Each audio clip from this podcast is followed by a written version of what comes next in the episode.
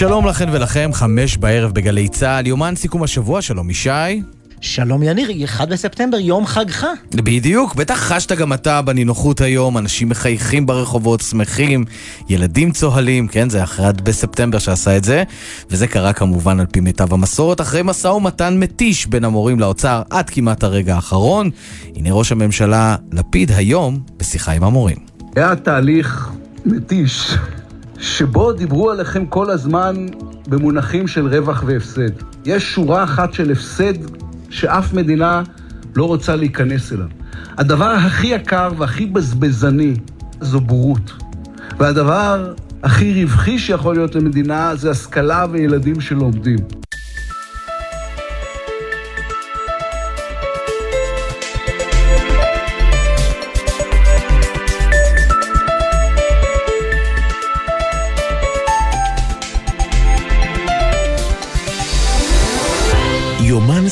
השבוע עם ישי שנר ויניר קוזין.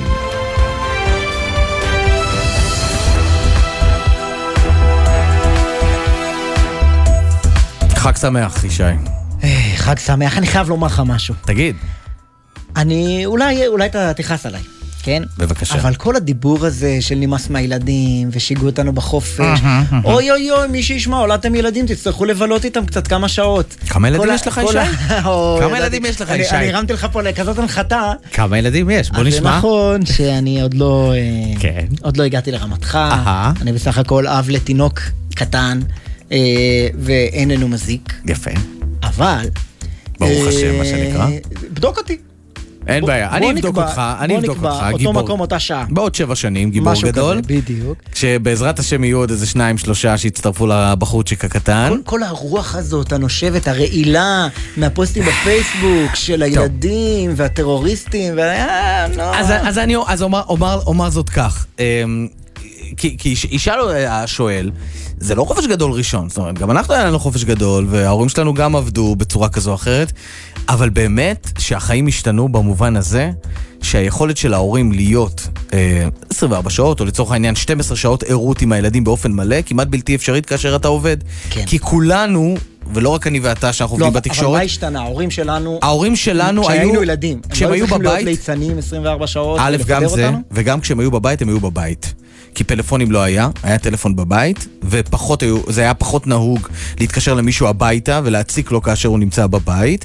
היום, במיוחד אחרי תקופת הקורונה, שהבית זה עבודה והעבודה זה הבית, ולכן ההורים כל הזמן עובדים בצורה כזו או אחרת, כשהם במקביל עם תחושות האשמה. כי זה כבר, אתה יודע, זה מה שנקרא תודעה מפותחת. הילדים צריכים, הם לא צריכים להיות בטטות כורסה, בסוף זה נסגר, אתה יודע, עם פלאפונים וכולם אה, צופים בטלוויזיה. ולכן יש את הצורך גם לבדר אותם. ולכן כשזה מגיע לקבוצה... איך, עוד פעם אמרתי, אני אגיד עוד פעם, ברוך השם כבר שיש יותר מילד בן כמה חודשים, אלא כמה, זה נהיה קשה. מה לעשות? זה נהיה קשה. עכשיו, זה לא לא אומר שאוהבים לא- פחות את הילדים, לא או שנהיים יותר לא מפונקים. גם יצאת סבא. מהסבות האלה של אתם מפונקים, אתם דור מפונק, אתם לא אתה אוהבים מבין, את זה בא הילדים. בהפוכה, בדור הנכדים זה חוזר אותם- אותן ביקורות. כן, דור. הוואי על המוקד, לא משנה מה. טוב, אה, אם כבר במה שנקרא ב-1 בספטמבר עסקינן, כן. נראה לי שאהבתי. אגב, כן, בבקשה. אה, שמעת את אה, לפיד בדברים שהוא אמר למורים? כן. קצת אה, מתחנף לדרישותיהם, אומר להם כמה לא, לא יפה דיברו כלפיהם וכולי וכולי. אתה יודע מה הבעיה של, שמציקים לך כי אין לך חופש מעבודה, אבל יש חופש לילדים? ישראל המובילה בעולם, המדינה המובילה בעולם במה. שנקרא עומס ימי חופשה, פער של 75 ימים. מה ההסכם החדש מתקן? שום דבר. שלושה ימים בדיוק, נכון. וגם נתנו את זה בחזרה למורים. כן, זהו, זה גם אחרות. זה לא מתקן, כי יש לא, גשר בסוף. נכון, אבל... יש גשר בין אין- יום כיפור לסוכות. עיני לא צרה במורים, חס וחלילה, שיקבלו חופש. אבל העובדה שלא מאפשרים לסגור את הפער הזה, וסגרו עכשיו, זה הסכם עד 2026, זה לא ישתנה. נכון. הם מתחייבים לעשות שביתה, המדינה מתחייבת לא לפגוע ב- בתנאים. שאפשר לסגור את זה, אתה יודע, בלעבור לשבוע לימודים של חמישה ימים, ולסגור את הסיפור הזה כמו בכל מדינה מערבית. או לצורך. העניין, אה, הפתרון הזה של אה, בית ספר של החגים, שדרך אגב, בית ספר של החופש הגדול, כאמור, אתה עדיין לא, לא, לא נתקלת בזה, זה פתרון לא רע בכלל. כלומר, זה משאיר את הילדים באיזושהי רמה מסוימת, ואני אומר לך, אני, אני לא יודע מה להגיד, כשאני הייתי ילד חודשיים היו עוברים לי כיהף, כן? הילדים שלי באיזשהו שלב מיצו, הם אמרו לי גם, אבא, די, יאללה, מתי חוזרים לבית ספר, מתי חוזרים לגן, נמאס לנו. אז הדברים קצת משתנים. בסדר. קבענו שאני... עוד שבע כולנו שנים. נתבגר וניפגש. אני מת לראות, לשמוע אותך בעוד שבע שנים. אה, בשעתיים הקרובות אנחנו גם נתבגר ונעשה את זה בעזרתם של הממונה על השכר במשרד האוצר, קובי בר בוגר נתן, שיש, כן. שחתם השבוע על הסכם השכר עם המורים, כן. אה, עם אה, עורך דין אביגדור פלדמן. נכון, אה, בסיפור של אה, דומא והערעור שנדחה של אה, עמירם בן אוליאל, הרוצח של בני משפחת דוואבשה, נדבר על זה. יהיה איתנו גם כאן שר התקשורת יועז הנדל, שהתקבל השבוע, היום, בבית ספר, אני אראה לך אחר כך את הסרטון, משל היה ג'יימס בונד. גם חבר הכנסת אבי מעוז, שנותר מחוץ לאיחוד המרגש בין בן גביר לבין סמוטריץ'. חכה חכה. ועוד, אה... ועוד ועוד ועוד, אבל כדרכנו, אנחנו. נתחיל בסיכום חדשות היום. זה, גנבת פה משפט ממישהו אחר. בהחלט. מה שנקרא, שים נקודה בקטע הזה.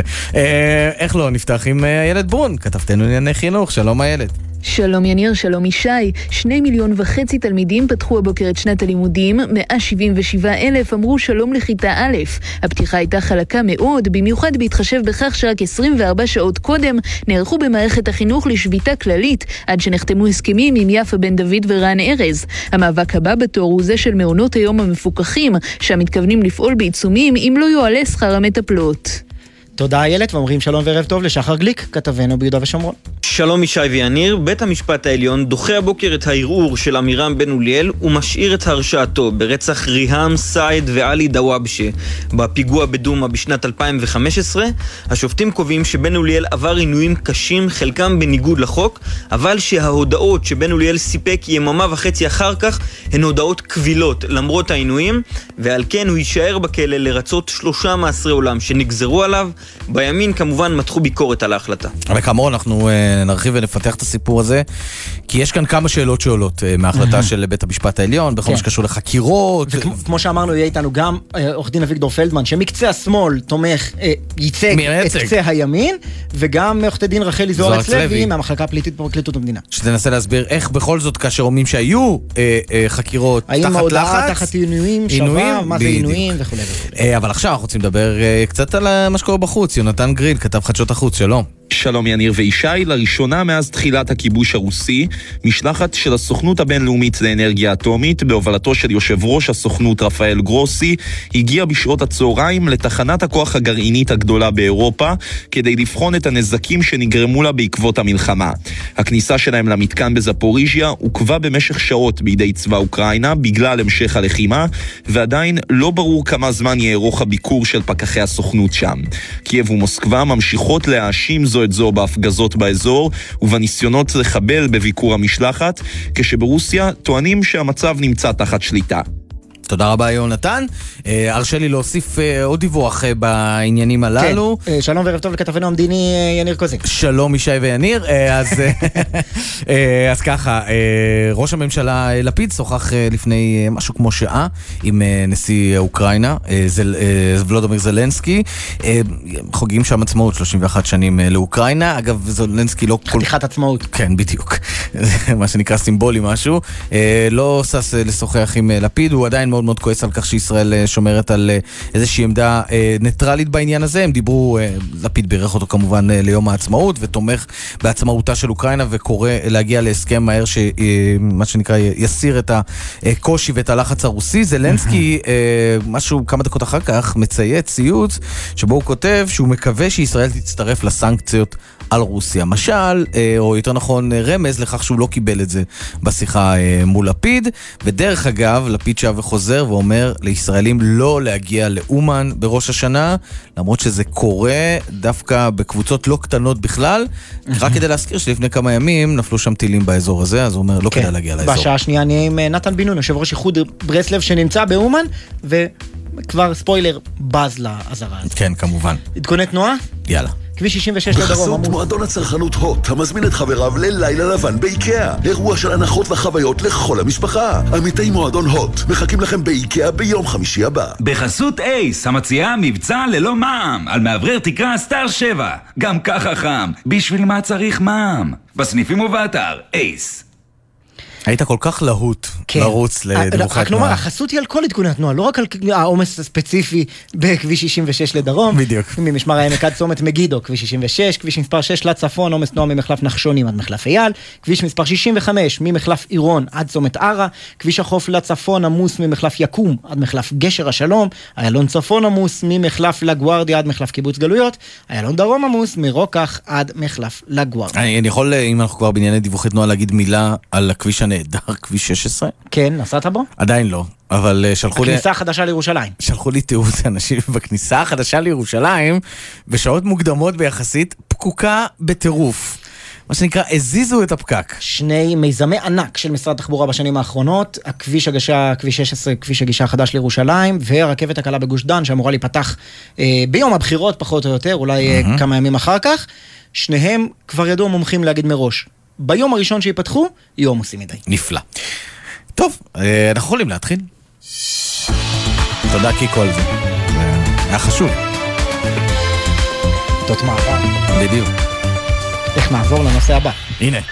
אפשר? קובי אה, בר נתן, שלום, הממונה על השכר במשרד האוצר. שלום, יניר וישי. איך ישנת השבוע? הלילה.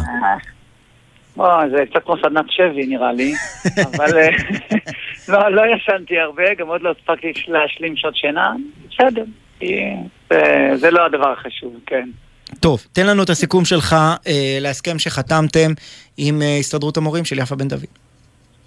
אה, אני אגיד שבסוף, אני, אני חושב שרוב הנקודות שאנחנו רצינו אה, שייכנסו באמת נכנסו, אה, שזה גם ההיבט שגם אצלכם נראה לי, גם אני דיברתי וגם אתם, כל הנושא של אה, מורים מתחילים ואיך אתה מביא כוח אדם איכותי ומשכיל למערכת, ולא פחות מזה איך אתה משמר אותו.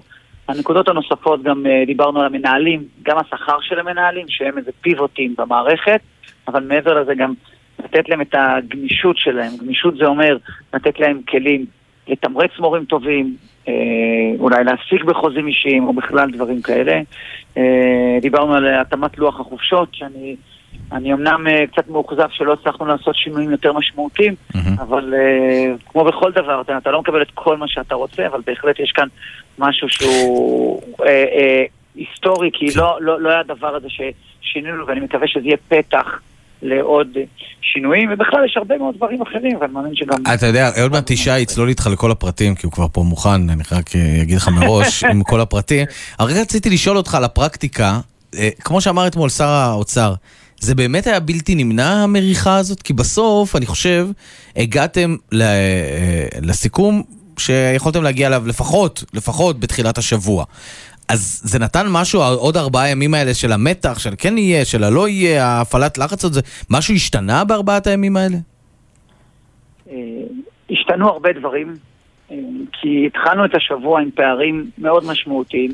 עכשיו, אתם יודעים, בטקטיקה, יש טקטיקה של משא ומתן ויש דינמיקה, וכל אחד צריך להחליט מתי הוא חושף עוד קלף, ומתי הוא מוציא עוד משהו, וכנראה, אה, לצערי אני אומר, זה לא היה מספיק בשל בתחילת השבוע, הלוואי, הלוואי שזה היה יכול להיות יותר מוקדם, אבל אה, במשאים ומתנים, שזו דינמיקה מאוד מאוד מורכבת, ואתה כל הזמן בודק בהתקדמות איפה כל אחד עושה, אז, אז לא הצלחנו. אני מודה ש, שבהקשר הזה אנחנו ממשיכים את המסורת ה, של עשרות שנים אחורה, אבל לפחות לא נשארו, אתם יודעים, לפחות נתנו את המענה כבר אה, לא ב-31 בלילה, יש 31 בבוקר, אז בכל זאת אנחנו בממשלה שמאוד מאוד משתפרת עם השנים. אבל, אה, אבל- כנראה, שזה, אני אומר, אה, זה, אתה יודע, זה, קשה. אז בוא, אתה תסביר רוצה לנו, שאתה מקבל את הדברים ושאתה עומד על שלך ואתה דואג לאינטרסים. אצלי זה הציבוריים כמובן. כן, ובאינטרס הציבורי, אחת הבעיות הגדולות של מערכת החינוך, אה, ממש בשלוש שנים האחרונות, זה קצב הפרישה המזנק של מורים צעירים. אחד מכל חמישה מורים שהוותק שלהם נמוך מחמש שנים, בשנה שעברה, ב-2021, פרש. אה, אחד מכל חמישה, זה נתונים מטורפים, וכדי לבלום את זה, ההסכם כביכול מעלה את שכר אה, המורים הצעירים ועושה עוד כל מיני דברים. אבל כשצוללים לפרטים, כמו שאמר יניר קודם, שהזהיר אותך מראש, אה, אני, אני מסתכל ואני אומר, רגע, אתם אומרים למורה צעיר היום, שכרך יעלה ל-9,000 שקל. אבל זה פייק ניוז, כי בפועל, מה שמשנה זה לא כמה, כמה המשרה מרוויחה, אלא כמה הבן אדם מרוויח. ובממוצע של מורה מתחיל להרוויח זה 5,500, כי אין לו אחוזי משרה. את זה פתרתם לו? אז אה, גם אני קצת מכיר את הפרטים, לא יודע. אז אני כן מתייחס לזה. אתה מדבר על ההיקפי משרה, זה נכון. אה, אני אקדים ואגיד שהמספרים שאמרת, אז עיקר העזיבות, ולא רק עיקר העזיבות, אנחנו רואים שגם שיעור העזיבות הולך וגדל לאורך השנים האחרונות במורים הצעירים, ולכן שמנו דגש מאוד מאוד משמעותי על המורים הצעירים. אז המטרה של זה, בתור התחלה, זה כן לדחוף עוד ועוד מורים, גם כוח אדם יותר טוב, אנחנו מקווים דרך השכר, למרות שזה לא הדבר היחיד, צריך לטפל בעוד דברים, לתוך המערכת, וגם ככל שכנסו יותר, ואפילו תחשבו ששיעור העזיבה יורד מ-1 ל-5 ל-1 ל-4. תחשבו מה זה עושה למערכת. זה מטורף, כי זה כל שנה. עכשיו נכנסים אלפי מורים. אז הנה, אם שומע שנה. אותנו עכשיו מורה מתנדנד, נקרא לזה ככה, מורה מתחיל מתנדנד, או לא משנה, אפילו ותיק, אה, ששוקל לעזוב. איפה בסוף ההסכם הזה הוא, אתה נתת לו משהו שיחזיק אותו במערכת. אם השכר שלו יעלה מ-5,500 ל-5,900, זה מספיק? אתה מדבר על היקפי משרה, אז התופעה הזאת היא, היא נכונה ואתה צודק, שבוותקים הנמוכים, היקפי המשרה הנמוכים, אז גם אם אנחנו נותנים, אה, אה, כמו שאתה אומר, 9,000, כשמישהו עובד 75% משרה, אז השכר הוא בהתאם. אנחנו טיפלנו בזה וקבענו ברירת מחדל שתתחיל מ-70% משרה ותעלה בהמשך בהדרגה עד ל-100% משרה. כלומר אין 50% לא משרה למורה מתחיל. אני לא אמרתי שאין, כי בסוף יש מקומות שהעובד עצמו רוצה, אם הוא נגיד הורה לילדים או רוצה להשלים תואר שני, אבל אנחנו רוצים שברירת המחדל לא תאפשר את זה. כלומר, אתה נכנס בהיקפי משרה יותר גבוהים, ואם אתה רוצה אחרת, אתה צריך כבר לקבל אישור לזה. ועכשיו זה, זה קיים בהיקפים יותר נמוכים. ואני חושב, ישי, שזה עונה על, ה, על מה שאתה אומר, כי באמת יש הבדל בין השכר למשרה לבין שיעורי המשרה. אז בנקודה הזאת, כן. אה, שהייתה חשובה... אז, אז, אגב, כאן... אז, אז, אז, בוא, אז בוא נתקדם צעד אחד קדימה. אתם אמרתם בתחילת הדרך, צריך אה, לתמרץ את המורים הצעירים, בין השאר, ניתן מענק התמדה. אם מישהו התמיד שלוש שנים במערכת, יקבל מענק חד פעמי גבוה. רציתם לת, לתת 24 אלף שקלים, אני רוצה להזכיר. נכון. איך זה יסתיים? עשרת נכון. אלפים בלבד. עשרת אלפים מענק ב... ב בשלוש שנים. אפילו לא שתי משכורות בשלוש שנים, לא, לא ישמור אנשים במערכת. אה, אתה צודק, קודם כל אתה צודק, אנחנו התפשרנו, אנחנו רצינו יותר. אני חשבתי שבנקודה הזאת, שזה נקודת, אה, לפי המחקרים, זה איפשהו שם יש איזה, איזה שאלה אצל, ה, אצל המורה אם הוא נשאר או לא. אה, בפשרה שעשינו, היינו צריכים להוריד את זה, גם כמעט זה בוטל, אבל אנחנו חשבנו שעדיין נכון לעשות את זה גם כפתח לעתיד. זה קצת מדהים, סליחה שאני קוטע אותך קובי, ישי, זה די מדהים מקרה בו האוצר אומר, אני רוצה לתת כסף, וארגון העובדים אומר לו, אל תביא כסף, אל תיתן, אל תתמרץ אנשים בסכומים לא, גדולים. היה צריך לתת, זאת אומרת, אתה מבין? האוצר אמר שהשמיכה קצרה, היה צריך לקזז מאיפשהו את העלאת השכר למורים הצעירים, כדי כן. לתת לוותיקים לעלות ל-1,100, האוצר רצה לתת להם רק 400. 400, זהו, אז זה בדיוק עמד שם, כלומר, אה, הסתדרות המורים אמרה, תקטינו את המענק הזה, את מענק ההתמדה כדי לעלות לוותיקים? זה לא, זה לא הולך ככה, זה לא שהם באים ואומרים, זה גם לא, זה לא בסדרי גודל, זה אחרת. אגב, מה היה יותר, המענק או העלאה לוותיקים? אה, מבחינת אה, סעיף תקציבי. אני אומר, אבל אחר כך אני אבדוק, אבל אני יודע שזה מוקלט, אבל כן. אני חושב שהוותיקים אה, עלה יותר משמעותי, לדעתי כן, אוקיי. אבל אני... לא, אבל אתה נתקלת פעם במצב כזה שבו אתה רוצה לתת כסף וארגון העובדים מולך אומר לא? זה לא שום, מה זה אמר לא? יש ארגון עובדים ויש לו תעדוף משלו. ויש את הממשלה, ואני כאוצר, ומי שמומחה לשוק העבודה ומכיר את המגמות, וחושב שהדברים נכונים. והעמדות מתנגשות הרבה פעמים. וכשאתה העמדות מתנגשות, אז התפקיד שלי כמנהל משא ומתן לראות איך בין לבין אני מצליח, אתה יודע, לטייב את הדברים כדי שנגיע לתוצאה שכולם מרוצים. אז אם תשאלו אותי אם אני מאושר ב-100% מהתוצאה, אני אומר, הנה, אני אומר שלא. אבל אתה לא יכול להיות אף פעם, כי אנחנו לא לבד. אם הייתי לבד... לא, אבל כולם לא מרוצים אף פעם. תמיד, תמיד זה נגמר איפשהו באמצע. השאלה היא אם היומרות שאתם הצגתם בתחילת הדרך, והמוכנות הציבורית, ששונה, אני חייב לומר, אני חושב שגם אתה תסכים איתי, אה, ואתה אה, מכיר את האוצר הרבה שנים, ההסכמה הציבורית לכך שצריך לעשות פה רפורמה מרחיקת לכת במבנה אה, מערכת החינוך שלנו. אה, בסוף פגשו, אתה יודע, baby steps ובקושי, הנה, בלוח החופשות אה, שום דבר לא השתנה, אנחנו עדיין נוביל את הצמרת העולמית בפער ימי חופשה בין המורים, בין ההורים לילדים. אני, אני אגיד לך מה אני חולק עליך, כי התמריץ הזה שהוא טוב וחשוב, הוא לא חזות הכל. אני חושב שההעלאה של השכר של המורה מתחיל, זה השינוי המשמעותי. המענק הזה שדיברנו עליו הוא, הוא מוצר משלים לשכר. זאת אומרת, אני מכניס מישהו ואני מוודא אחרי זה נותן לו עוד איזה, עוד איזה דחיפה כזאת שיישאר. אז זה לא חזות הכל. עיקר הכסף, צריך להבין, עיקר הכסף עדיין הולך למורים הצעירים, עדיין זה שם. זה נכון שזה קצת פחות ממה שאנחנו רצינו מההצעה הראשונה, אבל עדיין עיקר הכסף, עיקר המשאבים הולכים למקומות האלה. תן לנו תג מחיר, כמה זה? קבלה. מורה, מורה שעכשיו התחיל אה, ב-1 בספטמבר ללמד, מורה מתחיל, מורה צעיר, יקבל בסוף החודש הזה כבר יותר כסף? לא, זה לא בסוף החודש הזה, כי אנחנו עדיין צריכים ביחד.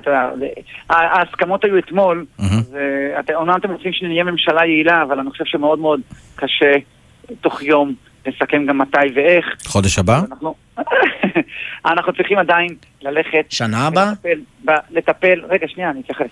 אה, לטפל בתקציב של זה, לראות איך לצד התקציב אנחנו יודעים אה, אה, לעשות את הפריסה, מי מקבל ראשון. הסכמים בדרך כלל הם לא מגיעים ב-day one, הכל בבת אחת. הסכמים מגיעים ב, אה, במספר שלבים, אנחנו צריכים לשבת ביחד, גם הצוותים הפנים-ממשלתיים וגם אנחנו קובעים, גם ההסתדרות, כדי לעשות את זה. אז אני אשאל הערכה, הערכה שלך, הממונה על השכר קובי בר נתן, עדכון השכר של המורים מתי יקרה? אני מאמין שהעדכון הראשוני כבר בחודשים הקרובים יקרה. אני לא יודע אם העדכון המלא, כי בסוף זו פירמידה, שאם אתה מעלה למורה המתחיל, אז צריך למורה הקצת יותר ותיק, קצת יותר ותיק, כן. צריך לעשות, לראות איך עושים את השיפוע, אבל אנחנו פועלים כדי שכמה שיותר מהר כבר יראו אה, אה, את ההשפעות הראשוניות. Mm-hmm. אה, צריך להגיד, יש כאן עוד הרבה מאוד נושאים שלא נגענו בהם, שגם אותם אנחנו צריכים... כמובן, אני, אני רוצה לשאול אותך, אה, יש כמובן את החופשות, השאלה היא כמה נספיק, אבל בכל זאת רוצה לשאול אותך על העלות התקציבית של כל האירוע הזה וכל הרפורמה הזו, בכמה מדובר ובכמה יצטרכו המשרדים לקצץ בקיצוץ הרוחבי שהודיע עליו אתמול שר האוצר. העלות התקציבית של ההסכם היא 4.5 מיליארד שקלים. לשנה? כן, כן, זאת העלות. זה מספר גבוה מאוד, כי... אה, הסקטור הכי גדול במגזר הציבורי ואולי אה, במשק זה, זה מורים. המורים שאנחנו מדברים עליהם עכשיו זה למעלה מ-130 אלף מורים. אין, אי אפשר לעשות ב... אני לא, אני לא אזלזל בכמה מאות מיליונים, אבל כשאתה מטפל בלמעלה מ-100 אלף עובדים, כמורים, אז בוודאי שאי אפשר לעשות שום דבר עם כמה מאות, זה הסכם איטי. אה, אגב, מי, סליחה, אני פשוט המון שאלות ואנחנו עוד מעט צריכים לסיים. מי הוא מוגדר כמורה חדש? זאת אומרת, מה ההגדרה של מורה חדש? או מנהל חדש. רגע, ה-9,000 מתייחס למורה, נגיד, עם הוותק אפס, אתה נכנס ראשון. כלומר, מי שנכנס שנה שעברה לא כן, נחשב. בעיקרון זה גרף שעולה... לא, לא, לא, לא. מי שנכנס שנה שעברה, הוא יהיה ותק... הוא יהיה ותק 2, ואז הוא יקבל נגיד 9,100. אבל בגדול החלוקה בין מורים צעירים לוותיקים היא ב-15 שנה, נכון? בסדר, ב-15 יש את החציון, אפילו פחות, ב-13, כלומר 50% מהמורים נמצאים שם. המסה הגדולה תקבל לדעתי בשבע, שמונה שנים, יהיה עוד עלייה יותר, גם אולי פחותה קצת במספרים שאתה אמרת, ואחר כך זה הולך ויורד. כלומר, כל המורים מקבלים תוספות, זה לא משנה מה הוותק שלך, אבל ככל שאתה יותר צעיר, העלייה תהיה יותר גדולה. ובצעד הזה אנחנו מתקנים את אותו שיפוע, את אותה אמירה שאנחנו בישראל בפער כמעט הכי גבוה אה, במדינות ה-OECD ביחס בין מורה צעיר לוותיק. אז כאן אנחנו עושים את הפעולה המשלימה. טוב, היה עוד הרבה שאלות. כן, אה, רק התחלנו, מה שנקרא, אבל... חכה, יש עוד הרבה הסכמי שכר, קובי בר נתן הולך לעבוד קשה בחודשים הקרובים, שר האוצר אמר 40 מיליארד שקל, סכום, כל הסכמי השכר שעומדים לחתום עליהם בקרוב. אה, סדנת שבי אמרת, שיהיה בהצלחה. שיהיה בהצלחה, נראה אותך באוצר על הבר, מה שנקרא, שזה גם איזה אירוע שאתם עושים, נכון? זה גם נכון. תודה רבה. תודה, קובי בר נתן. לא דיברנו בכלל על החופשות, שאמרנו שזה אולי ייכנס. על החופשות, על התמריצים, על התפקידים בתוך בית הספר, אמרנו, מובילים את העולם בפער בין מורים ותיקים למורים צעירים, מה, איפה ההסכם הזה ישים אותנו? כן. השתפר מצבנו? אמור. שאלה בכמה ואיך ולמה, הממוצע במדינות המפותחות זה שמורה מתחיל מקבל 60% מהשכר של מורה בשיא הוותק. בישראל הוא מקבל 40%. זה, אלה ההפרשים. ההסכם הזה סוגר את ההפרשים? במידה מסוימת אני מעריך שכן, אבל... אני חושב שלקובי בר נתן יש את כל הנתונים, פשוט אי אפשר לעשות פה רעיון של אה, כן, שעתיים. היה אפשר שיחות אישיות. עם קובי בר נתן. אה, באוצר על הבר אולי. אה, כן, בדיוק, באוצר הבא. אגב, השאלה אה, מתי זה- מתי זה קורה, נשארה עמומה. הממשלה אפילו לא אישרה את זה עדיין. כן, הוא אמר שהוא מעריך שהתחלה... בחודשים של הקרובים. השכר בחודשים זה מזכיר לי את חברנו פרופסור שמחון, כן? תוך שבועות אה, אה, מספר. אה, טוב, אה, עכשיו אנחנו רוצים לעבור לעניין אחר. אה, הערעור שהגיש אה, עמירם אה, בן אוליאל שהורשע ברצח משפחת דוואבשה אה, בדומא נדחה על ידי אה, בית המשפט העליון. אה, הטענה שלו הייתה על כך שבעצם אה, הודעתו אה, ברצח אה, נגבתה על ידי עינויים, חקירות אה, שהתבצעו בעינויים. בית המשפט קבע שדווקא ההודעות שלו, ההודעות שהובילו בסופו של דבר להרשעה האלה, לא הודעות שבאו בעקבות אותן חקירות אה, בלחץ. אה, אנחנו רוצים עכשיו לומר שלום לעורך דין אה, אביגדור פלדמן, סנגורו של עמירם בן אוליאל. שלום. ערב טוב. הצלחת להבין את ההליכה במידה מסוימת בין הטיפות של השופטים בבית המשפט העליון, שמצד אחד הם לא אומרים שלא היו עינויים אה, בחקירות, אבל מן הצד השני הם אומרים שההודעה נגבתה בחקירות שלא היו בהם עינויים. כן, בואו נעשה סדר. בבקשה. אה, עמירם בן אוליאל אה, נעצר אה, ונמנע ממנו פגישה עם עורך דין. 17 ימים הוא שתק, שמר על זכות השתיקה.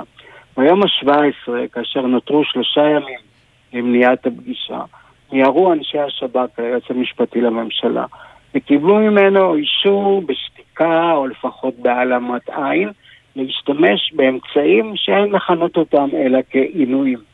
במקרה הזה השב"כ הודה שהוא השתמש בעינויים, ויותר מזה, אפילו קיבלתי את uh, תפריט העינויים. מה בדיוק עשו? אסור לי לדבר על זה, זה סודי, זה אסור בדיבור. אבל אלה אמצעים מכאיבים, אמצעים שבעצם פוגעים באדם, הופכים אותו בעצם ל... ל אה, נתון לחסדם אה, של, של, של שירות הביטחון הכללי. בעקבות ההודעות הללו, בעקבות העינויים הללו, הודה עמירם בן אוליאל בעבירה שיוחסה לו. אוקיי, המילה, המילה בעקבות במשפט שלך היא אה, זו שמצויה במחלוקת. כי חלק מההודעות שלו באמת נפסלו על ידי בית המשפט, אבל כותב הבוקר, כותב הבוקר בפסק הדין, השופט שאול שוחט, שיש שתי הודעות של אה, בן אוליאל, שאין קשר סיבתי בין העינויים, חקירות הצורך שעשו לו, לבין ההודעות שהוא נתן. ב- אם- אם אתה רוצה ממש את התאריכים, ב-19 בדצמבר 2015 וב-15 בדצמבר 2015. והוא אומר שהצפייה בתיעוד החזותי של ההודעות ושל ההליך של ההובלה וההצבעה שהוא מצביע, שטעם כמעט אחד לאחד את התיאור שמסר בהודעותיו, מסירים כל ספק לשיטתו של השופט שוחט, שידו של בן אוליאל הייתה במעשה הנורא. כן, וזה נשמע לך רציני.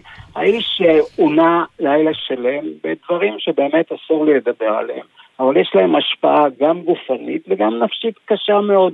היא בעצם הופכת אותו לנתון לחסדם של חוקרי השב"כ. עוברים 36 שעות, ההודעות הראשונות נפסלות, משום שהן בעקבות עינויים, עוברים עוד 36 שעות, ואז מחליט בית המשפט המחוזי ובית המשפט העליון מקבל את זה, שזהו, נגמרו העינויים, כבר חזר אליו הרצון החופשי, חזר, חזר אליו הרצון להתוודות על מעשה העבירה. אלה דברים שהם לא מתקבלים על הדעת. אנשים שעברו עינויים, עינויים זה לא רק הכאב הפיזי, זה יותר בעצם הפגיעה בתחושת המוגנות, התחושה שאתה חי בעולם שאתה מוגן בו באופן מסוים כלשהו. ולכן פסיכיאטרים, אנשים שעברו עינויים, אומרים שהדבר הזה לא מרפה ממך. יש הרבה מקרים של אנשים שהתאבדו אחרי הדבר הזה. אתה מסתכל... אבל עורך דין פלדמן, במקרה הזה הוא משחזר גם, והשחזור תואם נכון. לדברים בשטח. עם מי הוא משחזר? עם איש השב"כ. איש השב"כ אומר לו לפני השחזור, בוא תשחזר כמו שהודית. אם לא תשחזר כמו שהודית, נצטרך להחזיר- להאריך את החקירה ואולי לחזור לאמצעים הללו. מישהו יכול לראות את ה... אה, רגע, רגע, אבל זה אפילו יותר מורכב מזה. יש מה שנקרא פרטים מוכמנים. זאת אומרת, אם בן אדם מודה נכון. בהודעה, לא משנה עכשיו במשפט. ומוסר דברים שאפילו החוקרים לא יכולים לדעת, אז ברור שלא שתלו לו את, את הרעיונות האלה במוח. אומר השופט אלרון הבוקר בפסק הדין, ימירם בן אוליאל במהלך השחזור מספר כל מיני פרטים על החלונות. של משפחת דוואב, שלא הצלחתי לפתוח את החלון, הלכתי ככה, הלכתי ככה. היית אומר, טוב, השתילו לו, אם... גם אם זה נכון, חוקר השב"כ, כמו שאומר לך אה, עורך הדין פלדמן, השתיל לו את הדברים האלה במוח. אלא לא, לא מאי, להשתיל. שהחוקרים באותה עת לא ידעו שהייתה רשת נגד יתושים בחלון, כי היא התקלטה בשריפה. רק אחר כך, אה, אה, בממצאים של אחרי ה- השחזור, הגיעו חוקרים לחלון הזה ומצאו שרידים של הרשת. הדבר הזה משכנע, לפחות השופט אלרון, ש, שבן אוליאל מוסר מה שנקרא פרטים מוכמנים. הדבר רחוק מלשכנע. קודם כל צריך לקבוע האם ההודעה הזאת היא קבילה. אם היא קבילה, אז אפשר להסתכל על פרטים מוכמנים. אם ההודעה כולה נגועה בתוצאה של עינויים, הדבר הזה הוא פסול מעיקרו. בתי המשפט בישראל פסלו הודעות של נאשמים שלא אפשרו להם להתייעץ עם עורך דין. פה מדובר באמת בפגיעה במוגנות הגופנית, אה, בביטחון הגופני, הנפשי שלו, על ידי חוקרי שב"כ, שהם בעצם מלווים אותו גם אל, גם אל השחזור. אני אגב חולק שאכן בשחזור היו פרטים מוכמנים, להבנתי לא היו פרטים מוכמנים, אבל זה דבר שהוא לא ממש משנה, כי אם ההודעה היא פסולה, פסולה על כל הפרטים המוכמנים בה. זה בעצם, מדינת ישראל הופכת בעניין הזה למעשה למדינה הראשונה לדעתי בעולם, שאומרת כן, אפשר להשתמש בעינויים, בית המשפט העליון מאשר שימוש בעינויים, בתנאי שעברו 36 שעות מרגע העינויים, ואז האיש הזה מתוודה. למה מתוודה בן אוליאל? אחרי 36 שעות, משום שהוא מה? הוא חש חרטה, כן. משום שהוא חושב שהוא צריך להתוודות, הוא מתוודה מסיבה כי אתה אומר שהוא חושש שהחקירות האלה תחזורנה. ברור. אה, עורך הדין אביגדור פלדמן, סנגורו של עמירם בן אוליאל, אה, אני מאוד מודה לך בשלב הזה על הדברים, תודה. אנחנו רוצים לשמוע עכשיו את הצד השני, מאזינה לדברים. התביעה. עורכת הדין אה, רחלי זוארץ לוי, המחלקה הפלילית בפרקליטות המדינה, ייצגה את המדינה בערעור, שלום לך.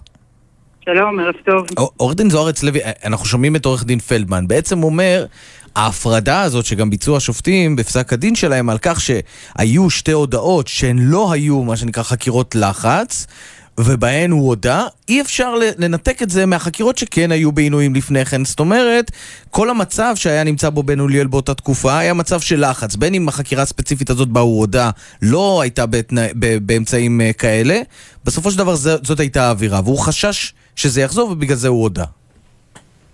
כן, שמעתי אכן את הטענות ואני אתייחס אליהן. אני קודם כל מבקשת אה, להבהיר ולהדגיש שבשום שלב הפרקליטות לא ביקשה להסתמך על ההודעות שניתנו אה, בזמן הפעלת האמצעים המיוחדים, חקירת הצורך, ואכן בית לא, אבל, המשפט אבל, גם אבל לא ביקשתם להסתמך, אליהם. אה, רגע, ביקשתם להסתמך על ההודעות שנמסרו בין החקירות. זה מה שאומר פה אה, יניר. זה- לא, לא, אם, בוודאי, אם זה בין חקירה לחקירה, עברו לדברים. 36 שעות מרגע שהיו חקירות הצורך, מה שאת קוראת, עינויים, מה שקורא אביגדור פלדמן, והבן אדם עדיין אה, אה, מוסר הודעה, יש שיגידו זה לא כל כך הרבה זמן כדי שאימת העינויים אה, תסור מעל החשוד. כן, הטיעון הוא לגמרי ברור לי ואני בוודאי אתייחס לדברים, אבל קודם כל חשוב להבהיר ו- ולהדגיש את הדבר הזה, שההודעות שניתנו בזמן הפעלת האמצעים, בשום שלב לא ביקשנו להסתמך עליהם, וממילא גם בית המשפט אה, אה, לא הסתמך עליהם, לא נדרש אליהן, והן אה, נקבעו כ- אה, כלא גביעות מתחילת הדרך. אנחנו אכן ביקשנו להסתמך ולהתבסס על ההודעות שלא נעשה במהלכן שימוש, שום שימוש באמצעים מיוחדים, כפי שהזכרת שחלף זמן אה, לטעמנו בוודאי משמעותי ובית המשפט אימץ את זה אה, אה, מאותם אה, הפעלת אמצעים אה, קודם לכן. חלק מהחקירות האלה היו מתועד- מתועדות והשופטים מציינים שהם צפו מספר פעמים בתיעודים האלה והם מאשרים שהבן אוליאל בחר מיוזמתו ומרצונו להודות במעשה. כי רואים את זה תוך כדי התיעוד הזה, אה, שהוא שולט בדברים, שהוא יודע לתקן את החוקרים, שהוא אה, לא מוסר אה, מה, שמבקשים, שאולי חושבים שאולי הוא רוצה למסור, הוא ממש מדייק בטיעונים שלו, והדברים האלה מאוד מאוד חזקים ומאוד מאוד אותנטיים כאשר צופים באותם התיעודים. עכשיו, אה, חשוב לצד הדבר הזה להוסיף ולהדגיש את הדברים שגם אתם אמרתם בעצמכם, שבהודעות הוא- שהוא מסר וגם בשחזור שנערך לו במקום הפיגוע, הוא ידע לתת פרטים רבים, שמוכיחים שהוא זה שביצע את הרצח הנורא והאכזרי הזה. וכפי שגם ציטטתם נכון את דברי כבוד השופט שוחט, שהסירו כל ספק שידו הייתה במעשה הקשה והנורא, כי זה כאן טמון אה, אה, נקודה, תמונה נקודה מאוד מאוד משמעותית. אדם שלא נכח ולא עשה את הפעולות בעצמו, לא יכול היה לדעת ולתאר את פרטי הפרטים האלה, את המעשים של ההתנהלות שלו, לא יכול היה להדגים אותם בצורה כל כך חיה בשטח. ולכך, ועל, ועל הדבר הזה אולי ראוי להוסיף ולהדגיש, וגם היום לא שמענו את עורך הדין פלזמן וגם בדיון לא שמענו אותו וגם לאורך כל ניהול ההליך לא שמענו שבן אוליאל עצמו לא העיד ולא טען במסגרת פרשת ההגנה שהוא לא ביצע את המעשים. Mm. זאת אומרת, הוא לא טען... הוא טען שבעצם לא ההודעה נלקחה ממנו בתנאים... הוא טען, הוא טען בהחלט על כך שהופעלו אה, אמצעים במסגרת החקירה, ומעולם לא הכחשנו את הדבר הזה, והדברים היו, אה, אה, נמסרו להגנה בהתאם לחוק ולפסיקה מתחילת הדרך. אבל הוא מעולם לא טען שהוא לא ביצע כן, את המעשה. כן, אבל רגע, אני רוצה להזכיר לך, אני רוצה להזכיר לך, לא שנייה אחת. עורכת הדין זוהר אצלבי, אני רוצה לא להזכיר לך שיש עוד קטין, בן 17 אז, שהודה במעשים. ובית המשפט פסל את ההודעה הזאת בגלל, בגלל שהיא אה, ניתנה תחת אותם מינויים. וביטל את ההרשעה ברצח והרשיע אותו רק בסיוע לרצח. אנחנו... מה שמעורר את השאלה הטובה, כמה אנשים ביצעו את הרצח הזה? לא, אז אה, אה, קודם כל, אה, גם אנחנו לא הסתמכנו על אותם דברים באותה הצורה והדרך, ואם אתם מדברים על, על אותו קטין בן ה-17, אז עניינו הסתיים במסגרת הסדר טיעון, שגם אנחנו סברנו אחרי משפט הזוטה שנכון לייחס לו, לצמצם את המעשים שמיוחסים לו, והתמונה הראייתית שהוצגה בפני בית המשפט הייתה מעט שונה. נשאלת השאלה מה ההבדל. כשיש הודעה כזו והודעה כזו. כן. קצת קשה במסגרת אה, אה, רעיון טלפוני כל כך קצר, להעמיד את כל הפערים שעלו במסגרת ההודעות. אז, אז בואי רגע, בואי רגע נמריא מהפרטים הקטנים שצללנו אליהם ונסתכל על התמונה הגדולה. אני, אני רוצה לשאול אותך עורכת הדין, עורכת הדין רחלי זוארץ לוי, אה, כפרקליטה בפרקליטות המדינה, אפילו כאילו אני מנסה להמריר מעט מה, מהתיק הזה. יכול להיות שהיה צריך לפתור אותו ולפצח מי רצח את משפחת דוואבשה, והיה אפשר לעשות את זה בלי לקשור אנשים לכיסאות ולמנוע מהם שינה? אני, אני לא, לא רוצה להתייחס, כן, כי זה לא האמצעים שנעשה בהם שימוש, כן או לא, לא, לא לאשר, לא להכחיש, אנחנו לא, לא, לא עוסקים בדבר הזה. והשימוש באמצעים אה, מיוחדים במסגרת אה, סיכול של אה, אה, פצצות מתקתקות או תשתית מתקתקת, כמו שהנאשם אה, כאן נחשד בה באותה העת, אה, אה, היא דבר אה, אה. שאנחנו לא, אה, אה, בוודאי לא רואים, לא מקלים בו ראש, ואמרנו את הדברים וגם הדברים צוטטו אה, במסגרת פסק הדין שאנחנו סבורים שיש לנהוג בו בחרדת קודש ואכן לבחון אותו בצורה מאוד מאוד מדוקדקת ומאוד מאוד אה, זהירה. אבל uh, לצד הדבר הזה אנחנו חייבים לזכור שבית המשפט מוצא את הנאשם כאן שבפנינו, את בן אוליאל, כאחראי על רצח של שלושה בני משפחה. בלעדי?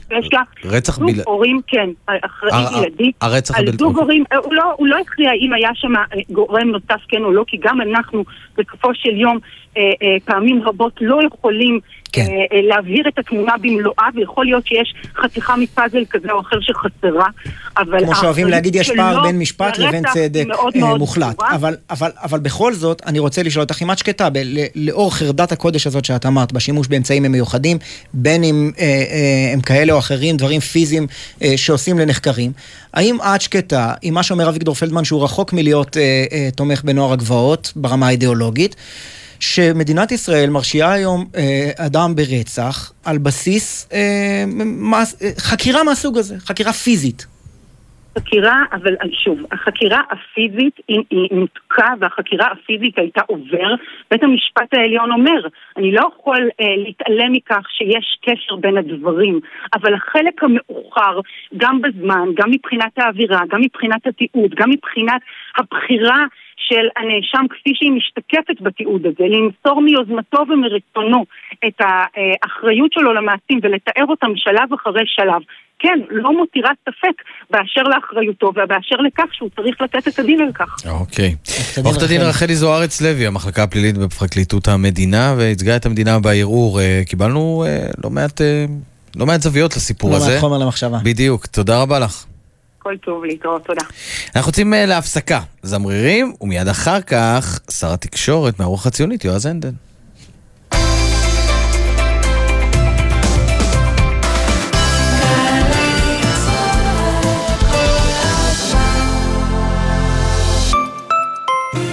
עמיתי קרנות השוטרים, הסוהרים וארגון המורים. יריד הקרנות חוזר בסימן התחדשות, עם מתנה אישית לכל עמית המבקר ביריד, בהתאם לתקנון, וגם מבצעים ומגוון מותגי חשמל, בית, אופנה, ספורט ועוד. פרטים באתר, מ-1 עד 14 בספטמבר, גני יהושע תל אביב, חניה חינם. מהאולפנה והתיכון למשרד הביטחון. אנחנו מבטיחים לך תפקיד איכותי ועתיד משמעותי בליבת העשייה הביטחונית של מדינת ישראל. מצוינות וציונות הן אצלך בנשמה? בואי לשירות לאומי משמעותי במשרד הביטחון. במגוון תפקידי ספר סייבר, טכנולוגיה, הדרכה, לוגיסטיקה, משאבי אנוש ותקשורת. ותוכלי להיות חלק מן העתיד הביטחוני של המדינה ושלך. ההרשמה לשירות הלאומי החלה. פרטים באתר עמותת של שילה, עמותת בת עמי, עמותת שלומית שילת ומשרד הביטחון. שירות הכי לאומי, שירות בתפקיד ביטחוני. עמיתי מועדון חבר, היריד נפתח. אתם מוזמנים ליהנות מחגיגת מבצעים של מיטב הרשתות ומכרטיס יריד קארד על סך 200 שקלים למימוש בחנויות היריד לכל עמית מבקר. לנוחיותכם, כניסה ויציאה מהיריד דרך ביתן אחת וגם דרך ביתן 10 עד 18 בספטמבר. אקספו תל אביב. פרטים באתר מועדון חבר. הכל בשבילך, כל הדרכים מובילות לירושלים, ועכשיו יש גם דרך נוחה ומהירה יותר. תתחדשו, כביש 16, הדרך החדשה לבירה. אנשים מתקשרים לכל מי שהם יכולים כדי להשיג כרטיסים, וזה מה שצריך להבין, לא יהיו כרטיסים. לך יהיה כרטיס, אלישע? אני מניח שלא לא ישכחו לי, הפעם האחרונה שמכבי חיפה הייתה בליגת אלופות זה היה אצלי. להרים לך טלפון, אלישע? אלישע, תן לי... תן לי כיוון. תן לי רגע לפרש את ספי. ספי הולך להשתמש הרבה במונח שאול מהתחום שלו, הקמפיין הגוואלד שלו. אלישע לוי. טוב, אלישע, אני אתקשר אליך אחר כך, אתה... ספי עובדיה ויניר קוזין, ראשון עד שלישי בשמונה בבוקר, רק בגלי צה"ל. עכשיו בגלי צה"ל, ישי שנר ויניר קוזין. שבתם אלינו, 5.41, אנחנו בדיוק. צופים אה, בסרטון ממזכרת בתיה. קצת לנוח מחקירות הצורך. כן, אה, יש צורך בכך. צללנו פה לפרטים, כן. תשמע, ברמה של אה, סדרת פשע אמריקאית. ויש יש את האלמנטים האלה שם. אה, עכשיו קצת אה, נירגע עם הפוליטיקה, איך לא, מה שנקרא. אה, יועז הנדל, שר התקשורת, הרוח הציונית, שלום. שלום, שלום. ראיתי אותך היום אה, מתקבל במזכרת בתיה עם אה, שטיח אדום. זה היה לכבודך או לכבוד תלמידי כיתה א'? כיתות א'. אה, אוקיי, עכשיו זה היה בשבילך. אני הנספח. אתה הנספח. תשמע, בוא, בוא, בוא נתחיל במה שנקרא במציאות. אה, סקר אתמול של חדשות אה, 12, וכמובן הוא לא יוצא דופן משאר הסקרים, אתם מקבלים אה, 2.1%. אה, ומפלגה שהרבה פחות מוכרת מכם, נקראת צעירים בוערים, עם הדר מוכתר, שהיא דמות, אה, אה, אה, מה שנקרא, דיגיטלית מוכרת מאוד, עם אחוז וחצי. זה לא נראה טוב עבורכם. אני דווקא, אני מסתכל על הסקרים בכל השבועיים האחרונים יש מגמת עלייה, אם אתה בוחן בכל הערוצים, בכל העיתונים. כל הסקרים ממש בשבועיים האחרונים אתה רואה עלייה איטית, אני מעריך שתוך שבוע, שבועיים אנחנו עוברים את אחוז החסימה, ויותר מזה אני מעריך שנגיע לבחירות עם, אה, ליום הבוחר, שזה היום החשוב כידוע לך, עם אה, סדר גודל של שישה-שבעה מנדטים, ואני אומר את זה על סמך העובדה שיש קבוצה גדולה של אה, ישראלים, אנשי ימין ממלכתי וציונות דתית אה, נורמלית אם תרצה, שהבית שלהם נמצא בדיוק באזור של הרוח הציונית. אנחנו צריכים, מעבר לשניים וחצי, ואתה ציינת את הסקר, שהוא הכי נמוך שלנו. אה, ברוב הסקרים אנחנו הרבה מעל, סדר גודל של שלושה וחצי מנדטים, ממש מעט מתחת לאחוז החסימה.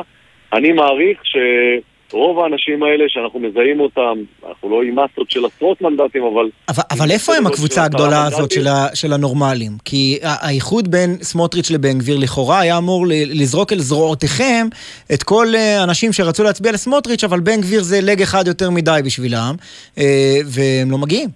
או מגיעים בשברי אחוזים. לא, לא, הם קודם כל הם, הם מגיעים לאט לאט, גם בסקר שציינת, שהוא כאמור הסקר הכי נמוך שלנו, שיש בו כמעט שלושה מנדטים, שניים וחצי, גם בסקר הזה אתה רואה שיש עלייה, כל הזמן יש עלייה מתונה בכניסה של מצביעים, והמצביעים האלה נמצאים באותם 25% שמופיעים בכל סקר, שהם לא החליטו עדיין, שזה כמות מטורפת, זה אומר אחד מכל ארבעה ישראלים לא יודע למי להצביע, מתוך ה... אם תרצה, ה-30 מנדטים האלה שלא יודעים, יש חמישה מנדטים שנמצאים בדיוק באזור שלנו, שהם מזדהים עם הדמויות הפוליטיות שלנו. הם לא יכולים להצביע לסמוטריץ' ובן גביר בדיוק כפי שציינת, הם לא מזדהים עם הערכים של הליכוד או של החרדים. אגב, בגלל תפיסות עולם. אז, לא אז היה הייתי שלהם, מצפה לא שמרגע שסמוטריץ' ובן גביר חתמו על ההסכם, זה כבר יתבטא תיאום אצלכם מטאור, בסקרים. בטח. וזה לא קרה. כולם לא, נשא אני הרוח. הציונית. עדיין כשאתה בוחן סקר של, אה, של כל עיתון או ערוץ, אתה רואה שם שמתוך, אה, אני אגיד, 100% נשאלים, רק אה, 10% או 20% עונים, שזה מספרים מטורפים.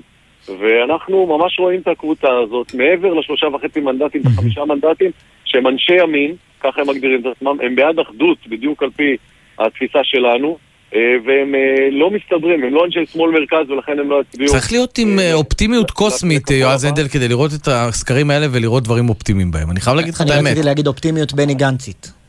אני לא... אבל לבני גנץ זה הלך טוב. נכון, לכן, לכן אתה שומע עכשיו את יועז הנדל. מה שקרה בבחירות הקודמות זה שכל מי שהימר על מפלגות על סף אחוז החסימה, הרוויח. וזה יוצר לא, תיאבון לפוליטיקאים שנמצאים על סף אחוז החסימה מעליו ומתחתיו, להמר. לא, אני, אני דווקא הייתי יותר מודאג אם הייתי במצב של מעל אחוז החסימה ועם אה, אה, מדידת, מדידת מצביעים, זאת אומרת עם, אה, עם אחוז חסימה כזה שהמצביעים מאוד פריחים. אנחנו מזהים... זאת אומרת, עדיף מתחת לאחוז החסימה, הרבה יותר לא, כיף. האוויר, הצל, מרגיע. זה עושה צל בסוף אוגוסט ככה. זה נוח. אה, צל מאחוז החסימה שנמצא מעליך. זה לא מפריע ככה, זה יותר נעים. אני אומר לכם, אני אומר לכם שעדיף לגדול לאט לאט מאשר להיות במפלגה, והייתי בזה, שמתחילה ב-24 מנדטים ומגיעה כמעט מתחת לאחוז החסימה ברגע האחרון, או בכל קונסטלציה אחרת כזאת. אה, אני אכן מסכים. מתחת לחגורה. אכ- לא, לא, אני מתאר אה, מציאות עובדתית. אני- ללא ספק. התקווה החדשה, דרך אגב, למאזיננו שלא הבינו על מי הייתה הביקורת. כן. לא, היו הרבה מפלגות. גם בכחול לבן. היה הימין החדש, היה גם את הימין החדש ותקווה חדשה, היו הרבה מפלגות שהגיעו עם 20 ומשהו מנדטים והתמוססו לאיתן עד אה, יום הבוחר, אה, וזה אמור להיות בדיוק הפוך, אתה אמור לבנות את קהל היד שלך, במיוחד אה, מפלגה אה, חדשה או צירוף של מפלגות שמייצר אה, בשורה חדשה, ואנחנו ממש רואים את הזהות של המצביעים שלנו, את התפיסה הזאת של אנשי ימין וציונות דתית, שהם לא מסתובבים עם סמוטריץ' ובן גביר בתפיסה היהודית שלהם, או בכפייה הדתית, או בחרדלות, או בכל דבר אחר, ולא עם הערכים של הליכוד, והם לא שמאל מרכז, ואנחנו בדיוק הבית שלהם, ולכן אני אומר לכם, אני לא הייתי הולך למערכת בחירות אה, אם לא הייתי חושב שיש סיכויים מאוד מאוד גבוהים לעבור, לא הייתי מבזבז את אוגוסט הזה אה, ולא לקחתי את הילדים לחופשות, ותחילת שנת הלימודים כדי לעשות משהו שהוא לא נוסח אה, צעירים אה, בוערים או כל אה, טריק אחר של... אולי- אולי טריק- תתאחדו. טריק שנמצא שישה, כן. אה, שש עשיריות האחוז אה, למטה ממך בסך הכל. אולי תתאחדו עם אה, הדר מוכתר. זה נשמע דווקא שזה יכול לעזור לכם. נשמע לי שאתם דווקא צריכים לעשות איזה איחוד עם הדר מוכתר לכבוד מערכת הבחירות, וזאת תהיה בהחלט תוכנית מעניינת. האמת היא שפגשתי אותה בכנסת פעם ראשונה לפני אה, חודשיים, לא ידעתי בכלל שהיא אה, שם דבר ברשתות החברתיות, זה מעיד על ואיך התרשמת? שלי כשר תקשורת. היא שאלה אותי כל מיני שאלות, ולא הבנתי למה היא קפצה עליי ושאלה אותי שאלות, רק אחרי זה הבנתי שהיא כוכבת אה, טיק טוק. הופ, הופכים את התמונה חודש אחר כך, היא מזנבת בכם בשש עשיריות האחוז אה, בסקרים. לא, אל תדאג, אני חושב שבסוף הפוליטיקה, למרות שהופכים את זה לבדיחה, הפוליטיקה זה מקום שמיועד לאנשים רציניים, אה, שהציבור צריך לבחון אותם במבחן התוצאה, אני מצפה שהציבור יבחן את התוצאות שלי כשר תקשורת, את מהפכת הסיבים והקליטה. כן. אגב, הדר. מוכתר עצמה לא בת 21, אז היא לא יכולה להיבחר. נכון. לכנסת. אבל- מנהיג. אבל אבל היא יכולה- בהחלט להגיש תוכנית, אני חושב, בגלי צה"ל. תודה רבה לך על מה שנקרא, על הסידור התוכניה. אה, אה, רגע, אבל אני כן רוצה לשאול אותך, מה הקו האדום? זאת אומרת, אנחנו נמצאים ב-1 בספטמבר, בעוד שבועיים סגירת הרשימות, אה, אה, יומיים לפני כן, שלושה ימים לפני כן, אתה, אה, אנחנו אופטימיים כמובן, אבל אם תראה שאתם עדיין נמצאים שם מתחת לאחוז החסימה, אתה תגיד האחריות מחייבת לפרוש?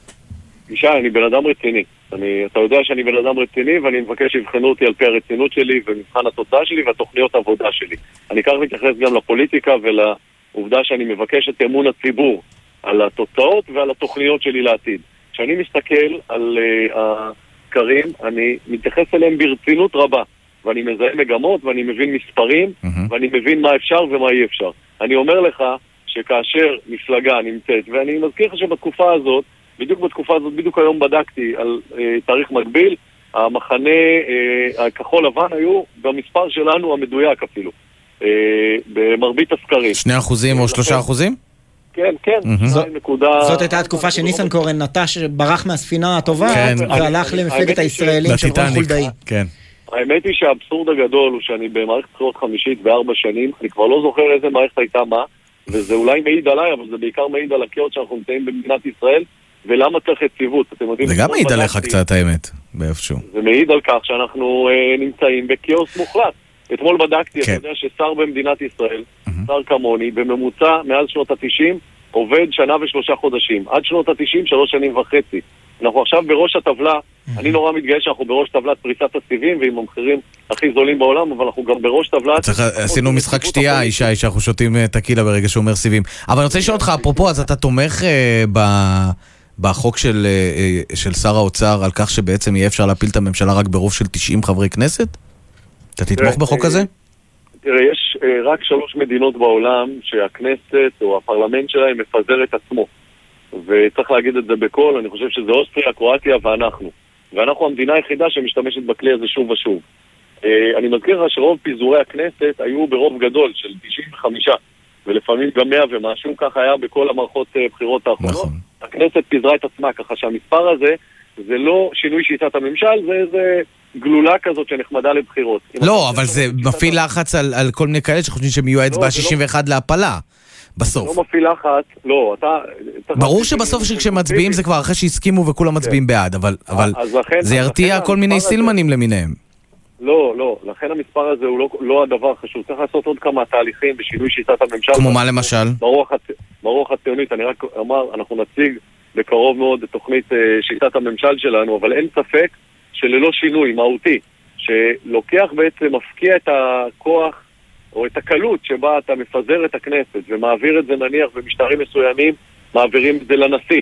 לדוגמה, נשיא, למרות שהוא אה, לא, אה, לא חלק מהרשות המבצעת או המחוקקת, יש לו סמכות לקבל את ההחלטה אחרי החלטת ראש ממשלה, ואתה הופך את, ה, את אה, פיזור הכנסת לאירוע שהוא הרבה יותר מסובך, לא רק במספרים, ואתה דו- דואג לכך שלא אי העברת תקציב ישר מפילה כן, את ה- מפילה הממשלה. את ה- אני- רגע, אני- כן. אני חייב להתייחס לאירוע אה, מרתק שקרה אירוע השבוע. פולארד. אירוע פולארד, בטח, בדיוק. יום אחד התבשרנו כן. שפולארד תומך בכם, או ליתר דיוק באיילת שקד, יושבת ראש אה, מפלגת רוח ציונית.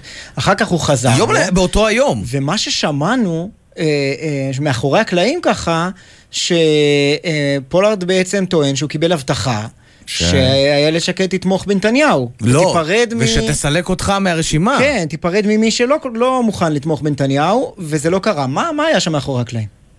טוב, חברים, אני חושב... רק אל תגיד פולארד בקונצנזוס וכן הלאה, כי זה אנחנו שמענו מספיק מאיילת שקד. לא, לא, לא, אני, אני, אני חושב שרוח הציונית שמה תוכנית אה, די מהודקת על השולחן, עם מסר ברור, אנחנו לא משלימים ל-61 לנתניהו, זה רע ממשלת נתניהו ובן גביר, ורע ממשלת אה, שמאל מרכז עם המשותפת, ולכן רק ממשלת אחדות על השולחן, ומי שעוקב אחרינו בחודש האחרון, אז הוא לא...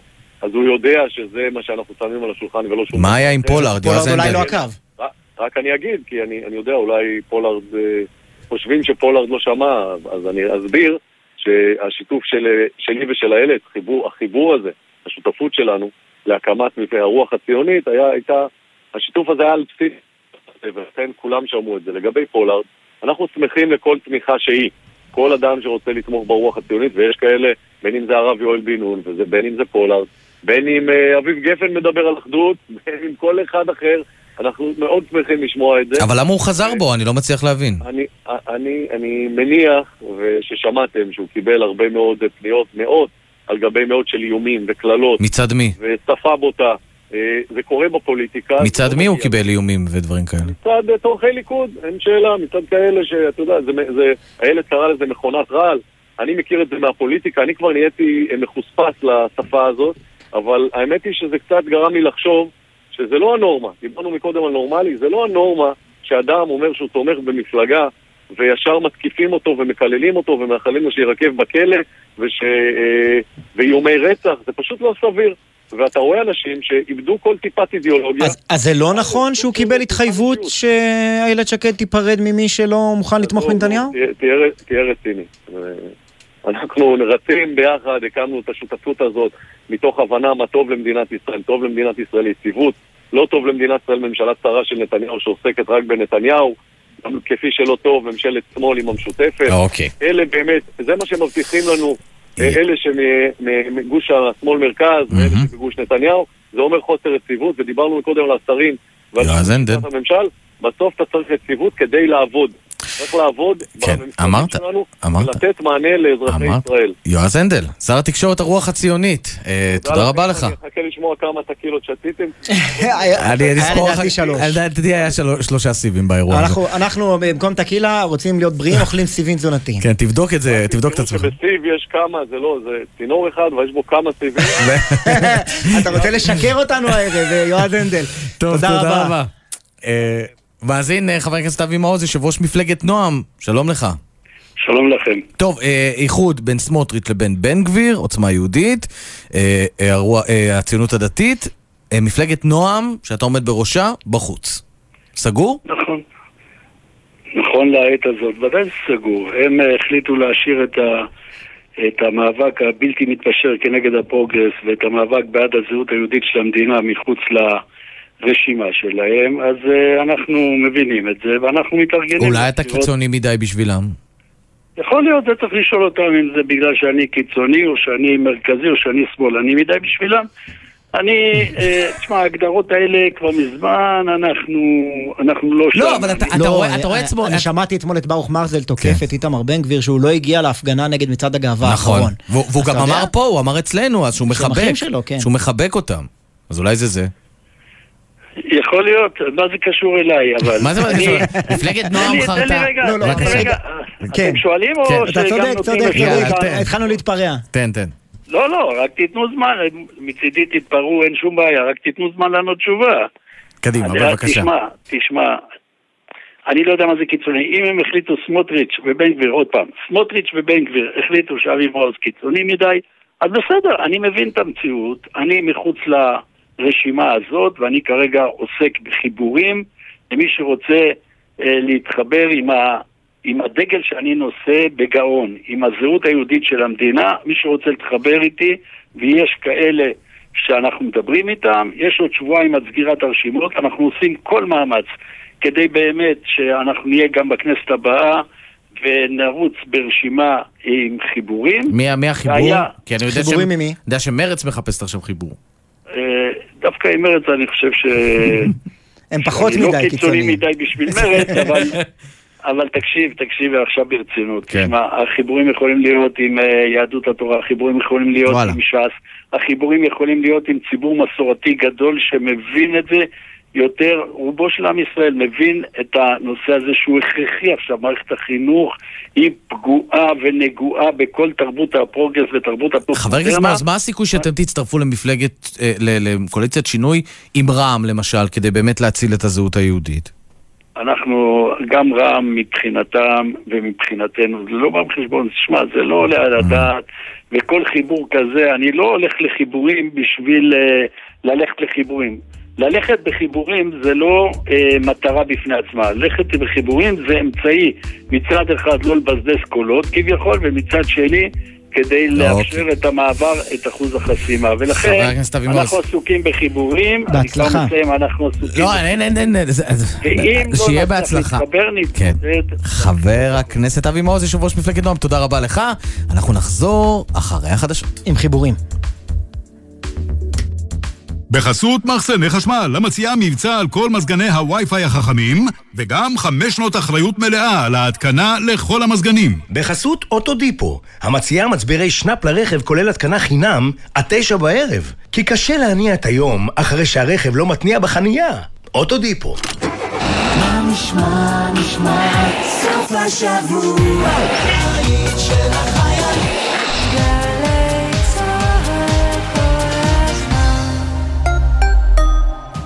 החלפתם כוכב מיאיר למיכאל? או אולי עברתם קריה, מקריית שמונה לקריית גת? אם עברתם דירה והחלפתם כתובת, ודאו כי מידע זה יתעדכן בפנקס הבוחרים, כדי שתוכלו להצביע בקרבת מקום מגוריכם הנוכחי. עדכון כתובת המגורים אפשרי עד י"ב באלול תשפ"ב, 8 בספטמבר 2022. כל המידע באתר משרד הפנים. יש לכם דרך שווה להגיע לבית הספר. חדש, חופשי חודשי ילדות, ילדים ונוער, בני 5 עד 18, ב-50% הנחה. לנסוע בלי הגבלה כל החודש, לבית הספר, לחוגים, לבקר משפחה או חברים וגם לבלות. אחרי שהשלמנו את שיעורי הבית. פשוט לנסוע יותר ולשלם פחות. למידע נוסף, חפשו משרד התחבורה דרך שווה, ו... שתהיה שנת לימודים טובה.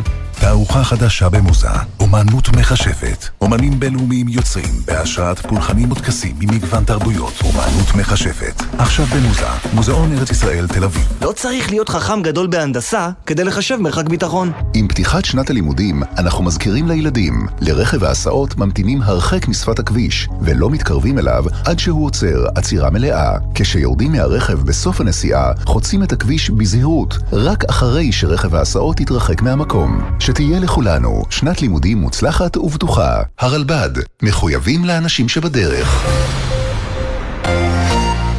אילנה, את יודעת מה קורה אם יוצאים? מגיעים למקומות נפלאים. אז זה בדיוק מה שנעשה בבטבע שלנו, הסכת חדש למטבעי לכת. הצטרפו אלינו ותמצאו איתנו שבילים נסתרים, תעלומות ארכיאולוגיות והשראה לטיולים הבאים. כי לדעתנו, חוויית טיול טובה יכולה להתרחש בכל זמן, ולא רק בסופי השבוע. אז קדימה, הביאו נעליים טובות ולפחות 4 ליטר סקרנות. בטבע שלנו, עם אילנה בנימין וגיל טבת. עכשיו, ביישומון גלי צה"ל, או בכל מקום שאתם מאזינים בו להסכתים שלכם. מיד אחרי החדשות, ישי שנר ויניר קוזין.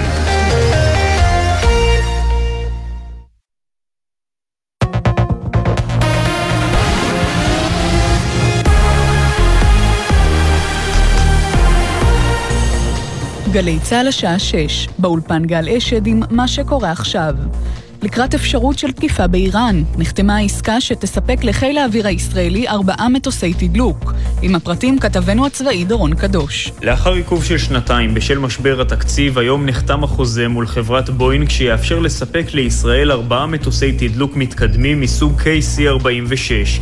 למטוסי התדלוק יש חשיבות רבה בהכנות המואצות שמבצע צה"ל בימים אלה לקראת אפשרות של תקיפת מתקני הגרעין באיראן. המתדלקים צפויים להגיע ארצה רק החל מ-2025, אך בישראל עושים מאמצים להקדים את המשלוח. ובתוך כך ראש הממשלה יאיר לפיד נפגש אחר הצהריים עם ראש המוסד דוד ברנע לקראת נסיעתו של ברנע בשבוע הבא לארצות הברית. ממשרד ראש הממשלה נמסר כי הפגישה התמקדה בהסכם הגרעין עם איראן. נזכיר כי בשבוע שעבר התבטא ברנע בחריפות נגד ההסכם, ואמר כי מדובר בהסכם גרוע שאם ישראל לא תפעל נגדו, היא תהיה בסכנה.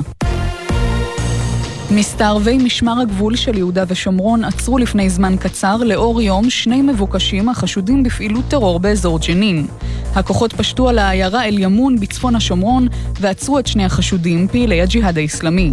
בעת יציאת הכוחות מהכפר התקיימו הפרות סדר אלימות, אין נפגעים בקרב הלוחמים.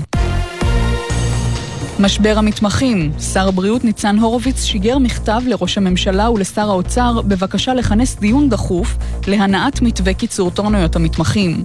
כתבתנו חנה אחימאיר מציינת כי במכתב נאמר כי המתמחים נותרו במציאות של תנאי העסקה בלתי סבירים ואכזבה קשה, וכי עוד לא מאוחר לתקן, כך הורוביץ.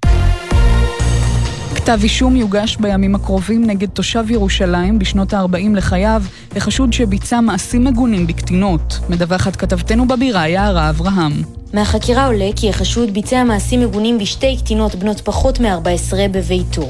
על פי החשד, השתיים הגיעו לבית על מנת לחגוג עם בתו את יום הולדתה, שם ביצע בהן החשוד את המעשים במספר הזדמנויות שונות. המשטרה הגישה נגד האב הצהרת תובע, ומעצרו הוארך עד היום. בעיראק התחדשו מהומות הדמים, הפעם בעיר בצרה.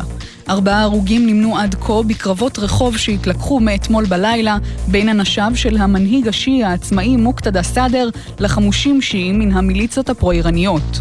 על פי ידיעות בלתי רשמיות, שניים מן ההרוגים משתייכים למיליציות. פרשננו לענייני ערבים, ג'קי חוגי, מזכיר שסאדר הכריז השבוע כי הוא פורש מהחיים הפוליטיים, מה שהוציא לרחוב אלפים מאנשיו שהתנגשו עם כוחות הביטחון. בתום יממה הם נעתרו לקריאתו לחדול מן העימותים. מזג האוויר מעונן חלקית עם ירידה קלה בטמפרטורות, תורגש הקלת מה בעומס החום. בסוף השבוע יהיה דומה. אלה החדשות שעורך ערן קורץ.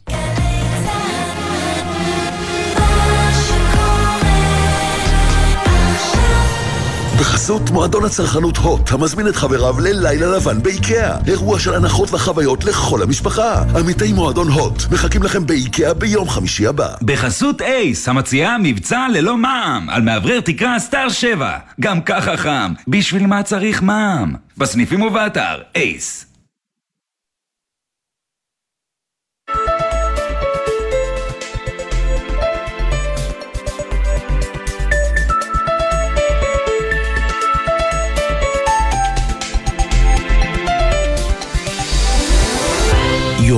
סיכום השבוע עם ישי שנרב ויניר קוזין.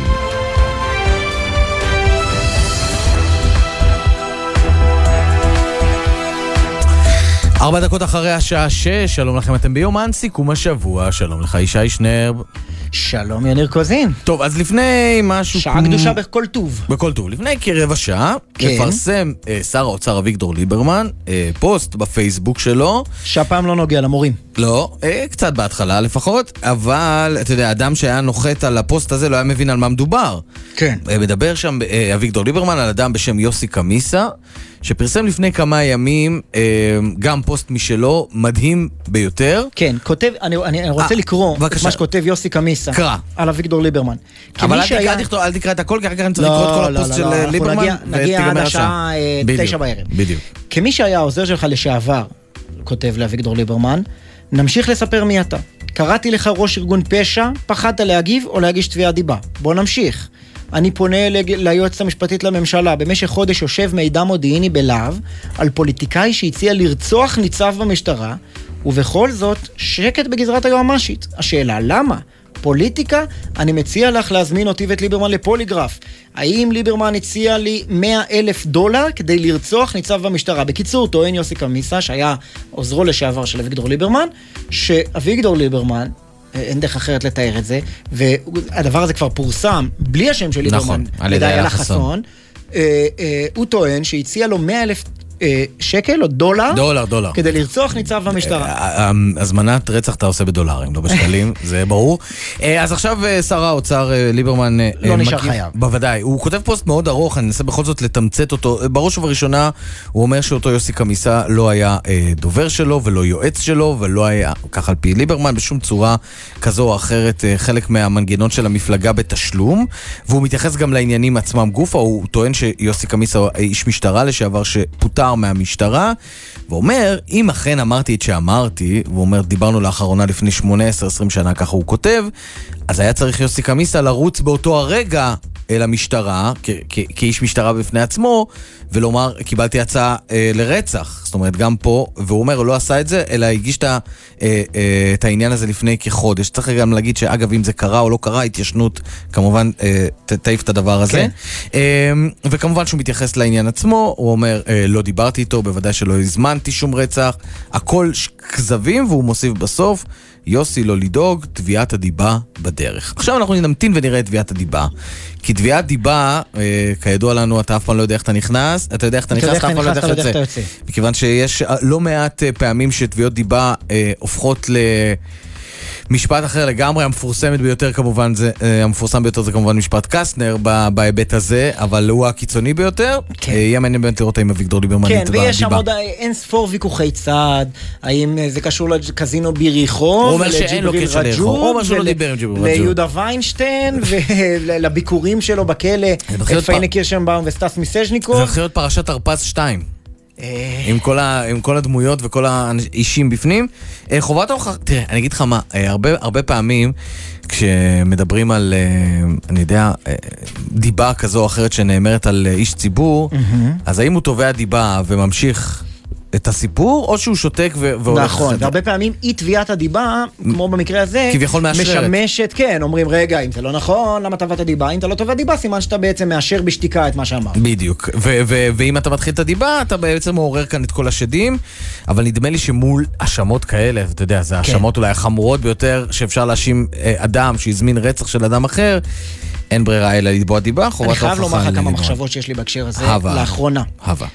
אה, אה, הייתה תקופה, בעצם מאז שהרשתות החברתיות פרצו לחיינו בצורה ניכרת, שכל פוסט שטוען טענות כלפי איש מוכר, אה, איש ציבור בוודאי, היה מהודהד באופן אוטומטי על ידי כלי התקשורת, כי, אין מה לעשות, זה אירוע מסעיר. בא מישהו באינטרנט וטוען ששר הממשלה הציע לו 100 אלף דולר כדי לרצוח ניצב במשטרה, אנחנו אה, נהדהד את הדבר הזה, וכנ"ל לגבי מישהו טוען אה, אה, על כל פשיעה אחרת שנעשתה.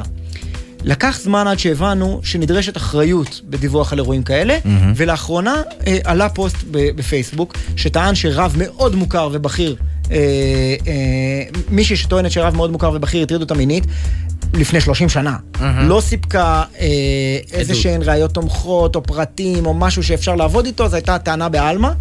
ואפילו מתנגדיו של אותו רב, המחנה המתנגד לו, שהיה יכול לחגוג על הסיפור הזה, לא לקחו את זה.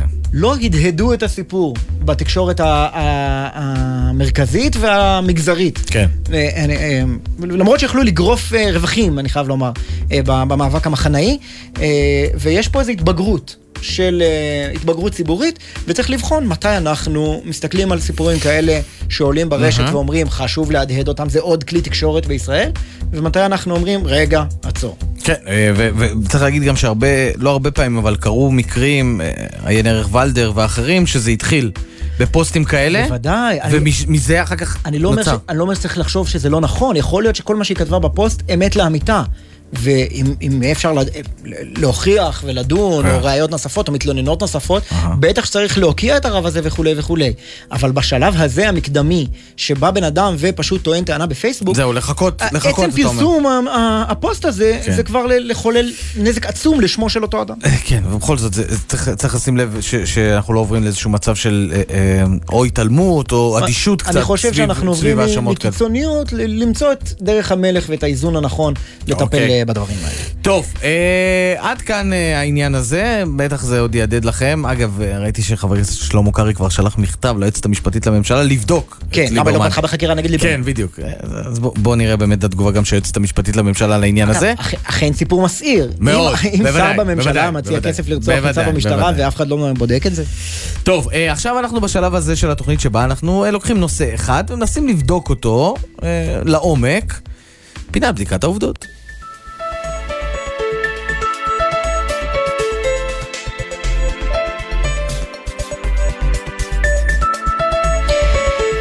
אז מזל טוב, יניר.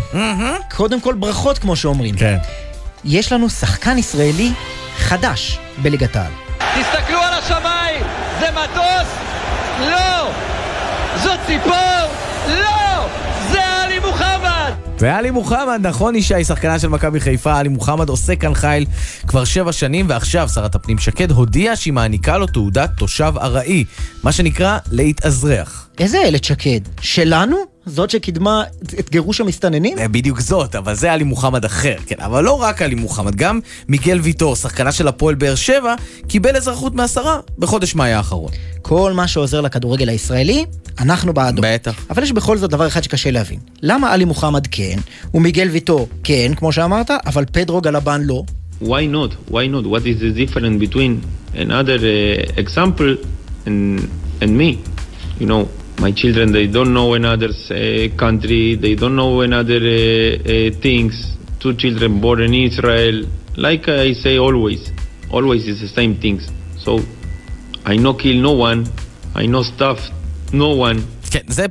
אה, כן, פדרו גלבן, השחקן הארגנטינאי ששיחק כאן בבני אה, יהודה מספר 2 בטבלת הכובשים הזרים של כל הזמנים בליגת העל. הוא חי כאן עשר שנים, בנותיו נולדו פה ומשפחתו רצתה להמשיך לחיות בישראל, אבל אולי הוא לא בא אולי מהמועדון הנכון, כי אחרי שהסתיים רישיון העבודה שלו ב-2019, הודיעו לו שהוא יצטרך לעזוב את ישראל. או המקרה של עוזר מאמן בני סכנין, דושן מטוביץ', שנמצא בארץ מ-2011. יש לו בן שמשחק טניס כאן, והוא קיבל אפילו המלצה משר הספורט. מה קרה איתו? תשמע את עורך הדין תומר ורשה שייצג אותו. פדרו גלבן וגם דושן מטוביץ', דושן מטוביץ' היום בישראל עוזר מאמן. אנחנו עם החלטה של איילת שקד, אותה איילת שקד מלפני כמה חודשים ביקשנו באמת מעמד גם לדושן וגם לבן שלו, יש לו בן בשם מילן שהוא בן 16, טניסאי על. הבאנו המלצה של שר הספורט, הבאנו את כל ההמלצות של בכירי הטניס בארץ וביקשנו מעמד, קיבלנו סירוב לא מנומק. למה? מכיוון שאין קריטריונים ואין שקיפות. פדרו גלבן זאת הייתה שערורייה שאין כדוגמתה. כמו שאמרת, ארבע בנות חיו כאן, ושוב, אין שקיפות, אין קריטריונים, והשר מחליט. כן, טוב, אז אה, לגבי גלבן עוד אפשר להסביר שהיה כאן סבך אה, בירוקרטי שחייב את שר הפנים דאז לסרב, הוא היה שוהה בלתי חוקי כמעט שנתיים כאן, ורק לאחר מכן ביקש את המעמד, אבל עדיין נשאלת השאלה, מהם הקריטריונים? החלטה סתמית של השר או השרה הממונה? יותר מזה, אזרוח זאת מתנה מאוד גדולה לקבוצת כדורגל. יש הגבלה לשישה זרים לכל קבוצה. עלי מוחמד ייחשב עכשיו ישראלי, Mm. ומכבי חיפה קיבלה רשות לגייס שחקן זר נוסף. נחש את איזו קבוצה, יניר, חשפה איילת שקד שהיא אוהדת בינואר 2021. אה, מכבי חיפה, כמובן. ונחש. ישי, באיזו מפלגה הייתה אלונה ברקת הבעלים של קבוצת הפועל באר שבע של אותו מיגל ויטור? ימינה כמובן. של איילת שקד, כן.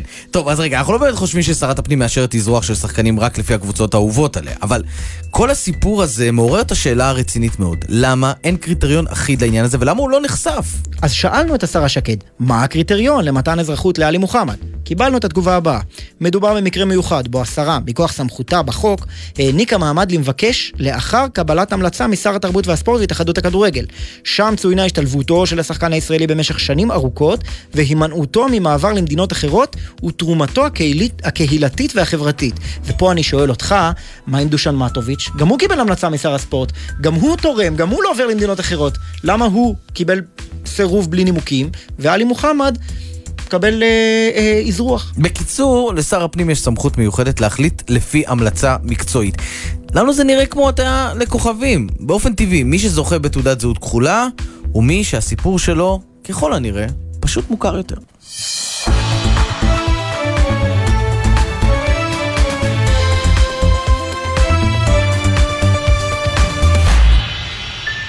ושוב, השאלה, תנו לנו את הקריטריונים. תנו לנו את הרשימה, בסדר, יש לשר סמכות, לשרה סמכות לאשר אזרוח במקרים יוצאי דופן עם המלצה של שר הספורט. כן. אבל מה זה, זה מספר גולים, זה מהירות, זה מה?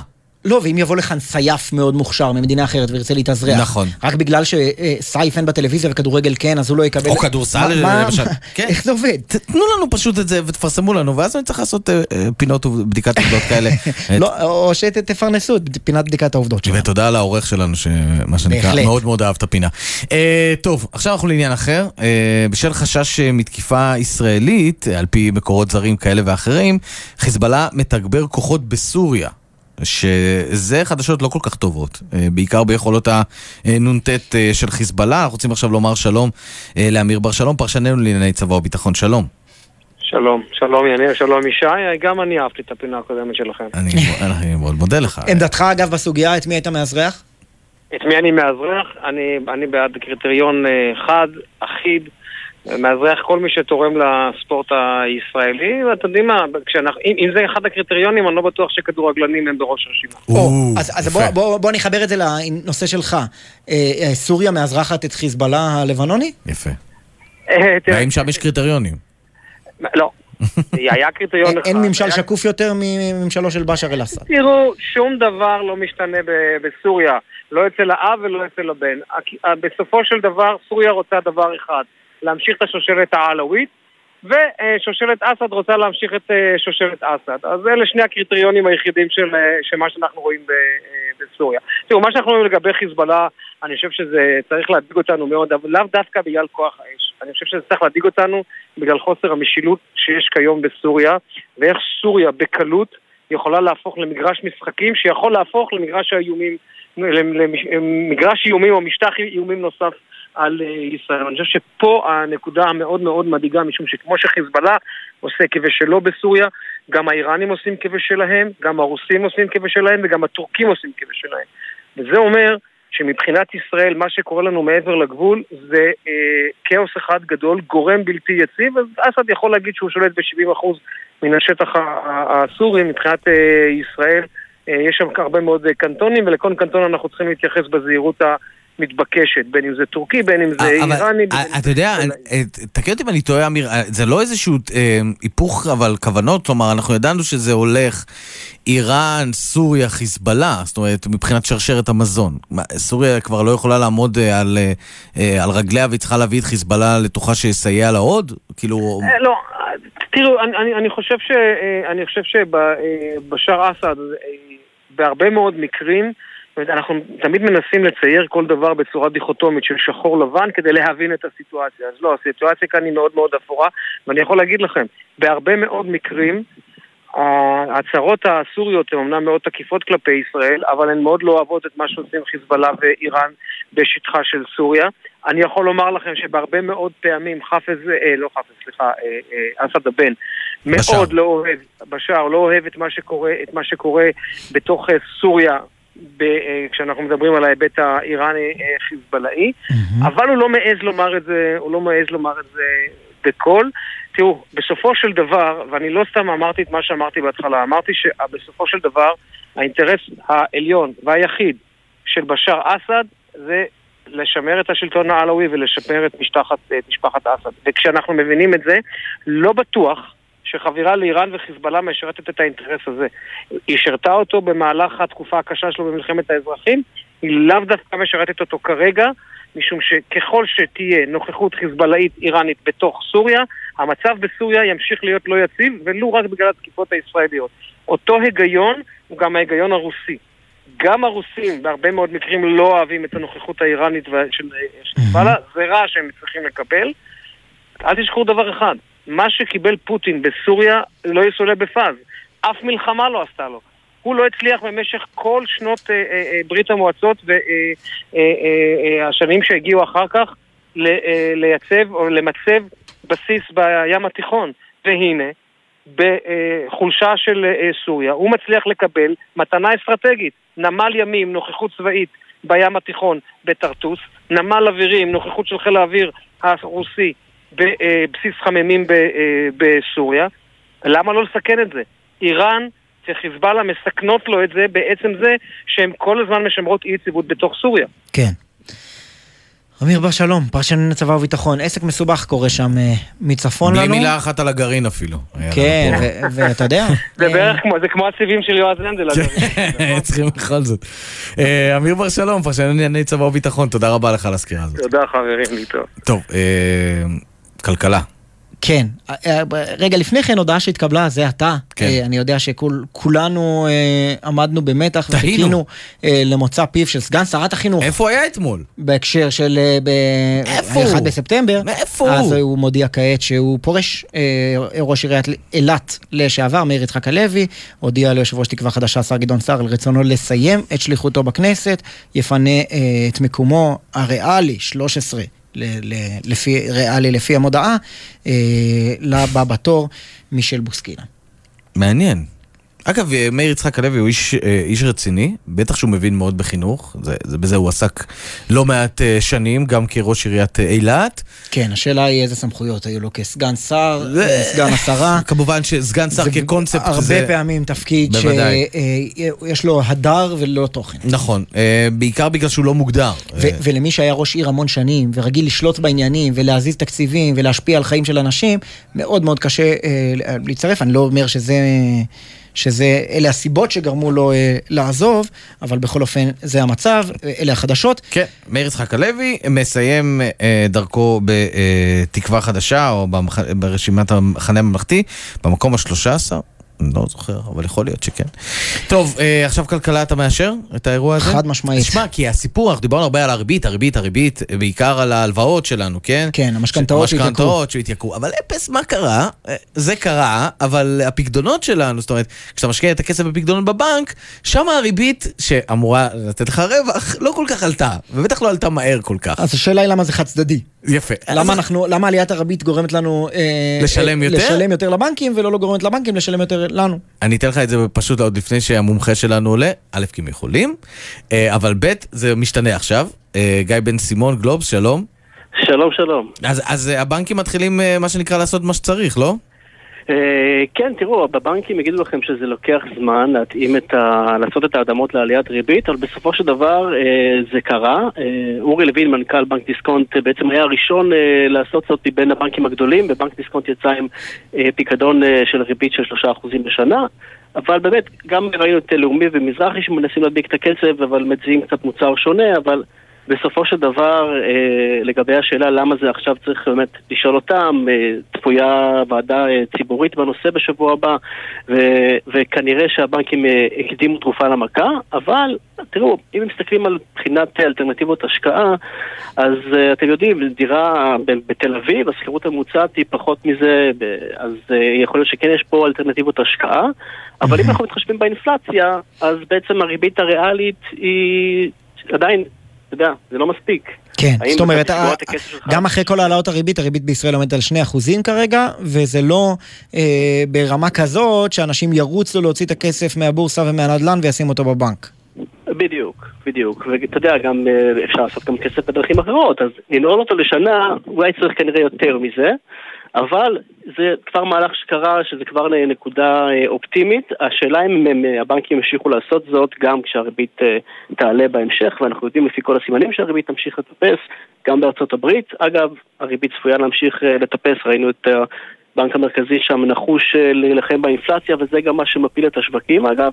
אז כרגע אנחנו רואים שהתוואי הוא להמשך העליית ריבית. בואו נראה אם הבנקים גם שם מעבר לסיבוב ויציעו את ה... הרי, את ה- הרי גם, אה, תקן אותי אם אני טועה, גיא, אה, בעצם הסיפור הזה של העלאת הריבית אמור גם לצנן, כי- מה שאמרנו, לצנן את הדיור ולהעביר את המשקיעים לפקדונות או למקומות אחרים. אז אם שם הריבית לא מתעדכנת, או בטח לא הופכת לאטרקטיבית יותר מאשר השקעה בדיור, אז כל המהלך גם לא יצליח. כלומר, לפחות המ- המהלך שאמור לצנן את שוק הדיור, אם המשקיעים לא ילכו למקומות אחרים, הוא יישאר גבוה. גם עם זהו, הריבית. אז, אז זהו, אז בעצם אולי המטרה העיקרית של העלאת הריבית זה ריסון האינפלציה, זאת- הבעיה. בנק ישראל אה, באמת אה, פעם היו ימים שהוא מציין את, אה, את שוק הדיור כחלק משיקולים בהחלטה, היום זה כבר לא שם. אז מבחינת בנק ישראל, הטיפול בשוק הדיור, זה, את זה הוא משאיר לממשלה, וכל זה קשור להיצע הדיור, ולכן, אז בעצם לא, לא, מה, לא מהריבית תבוא הישועה. למרות שאנחנו כן, אה, כן, כן, כלכלנים בשוק צופים כן, שאתה יודע, ככל שנוטלי המשכנתאות ירגישו לחץ, וככל שראינו כבר ירידה בהיקף המשכנתאות בחודש העבר, אבל מה יולד יום? קשה לדעת.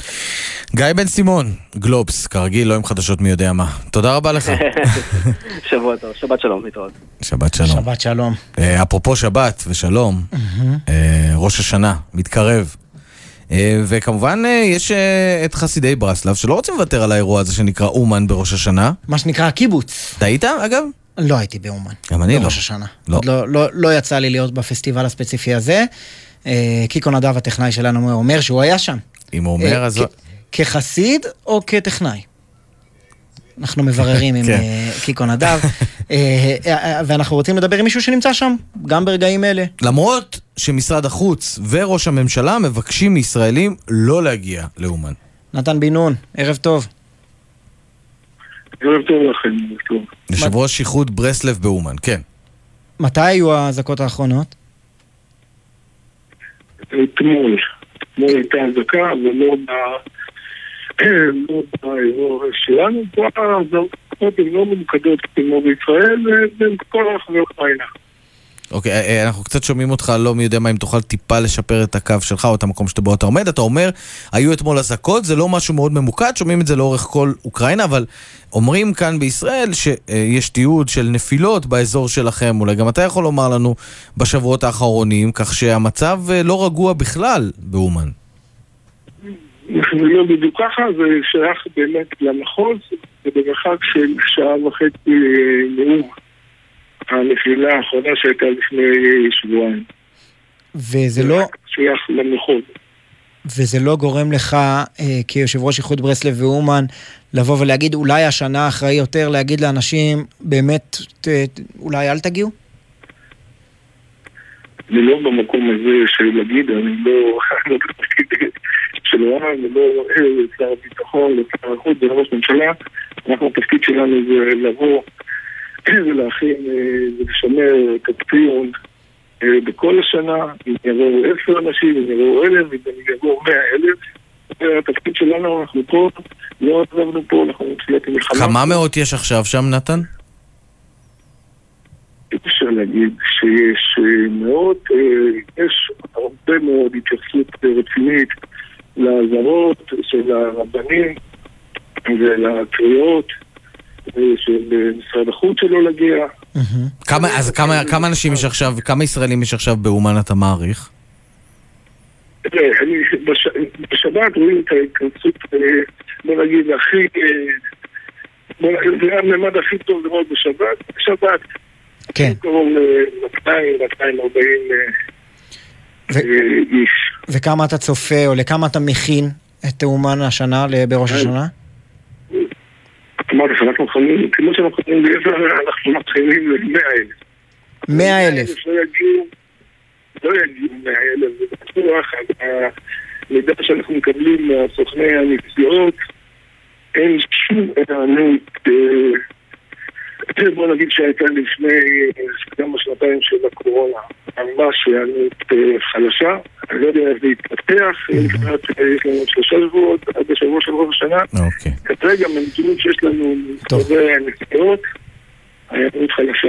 נתן בן נון, גם- גם הקו שלנו חלש, ואנחנו מתקשים מאוד להבין אה, מה שאתה אומר, אז ניפרד אה, בשלב הזה. תשמרו על עצמכם. יושב ראש איחוד ברסלב ואומן, בהחלט, תודה רבה. איתנו אלון לביא, סגן דובר אה, משרד החוץ. ערב טוב. ערב טוב, יניר וישי. אתה יודע, רבי נחמן מברסלב כתב שמי שיבוא אליו לאומן, הוא ימשוך אותו מהפאות אה, אל גן עדן. אבל יכול להיות שהשנה מי שנוסע לאומן ימצא את עצמו בגיהנום?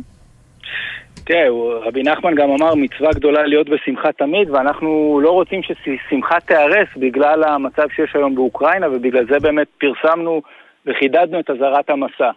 אנחנו מאוד חוששים אה, אה, מהמצב, ולא רק באמת מנושא של טילים, צריך להבין שהרבה מאוד מהתשתיות אה, נפגעו. יש בעיות של בתי חולים ותרופות, האוקראינים בעצמם פרסמו הודעה קוראת למאמינים לא להגיע בגלל חוסר היכולת לתת אה, מענים של אבטחה ותשתיות, ולכן אנחנו מאוד, מאוד חוששים בעניין הזה.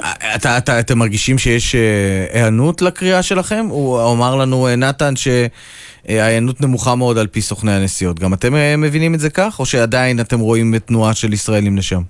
אנחנו רואים תנועה, ויש יש מטוסים ו- וטיסות כבר ש, שנרכשו. אה, לאוקראינה או למולדובה?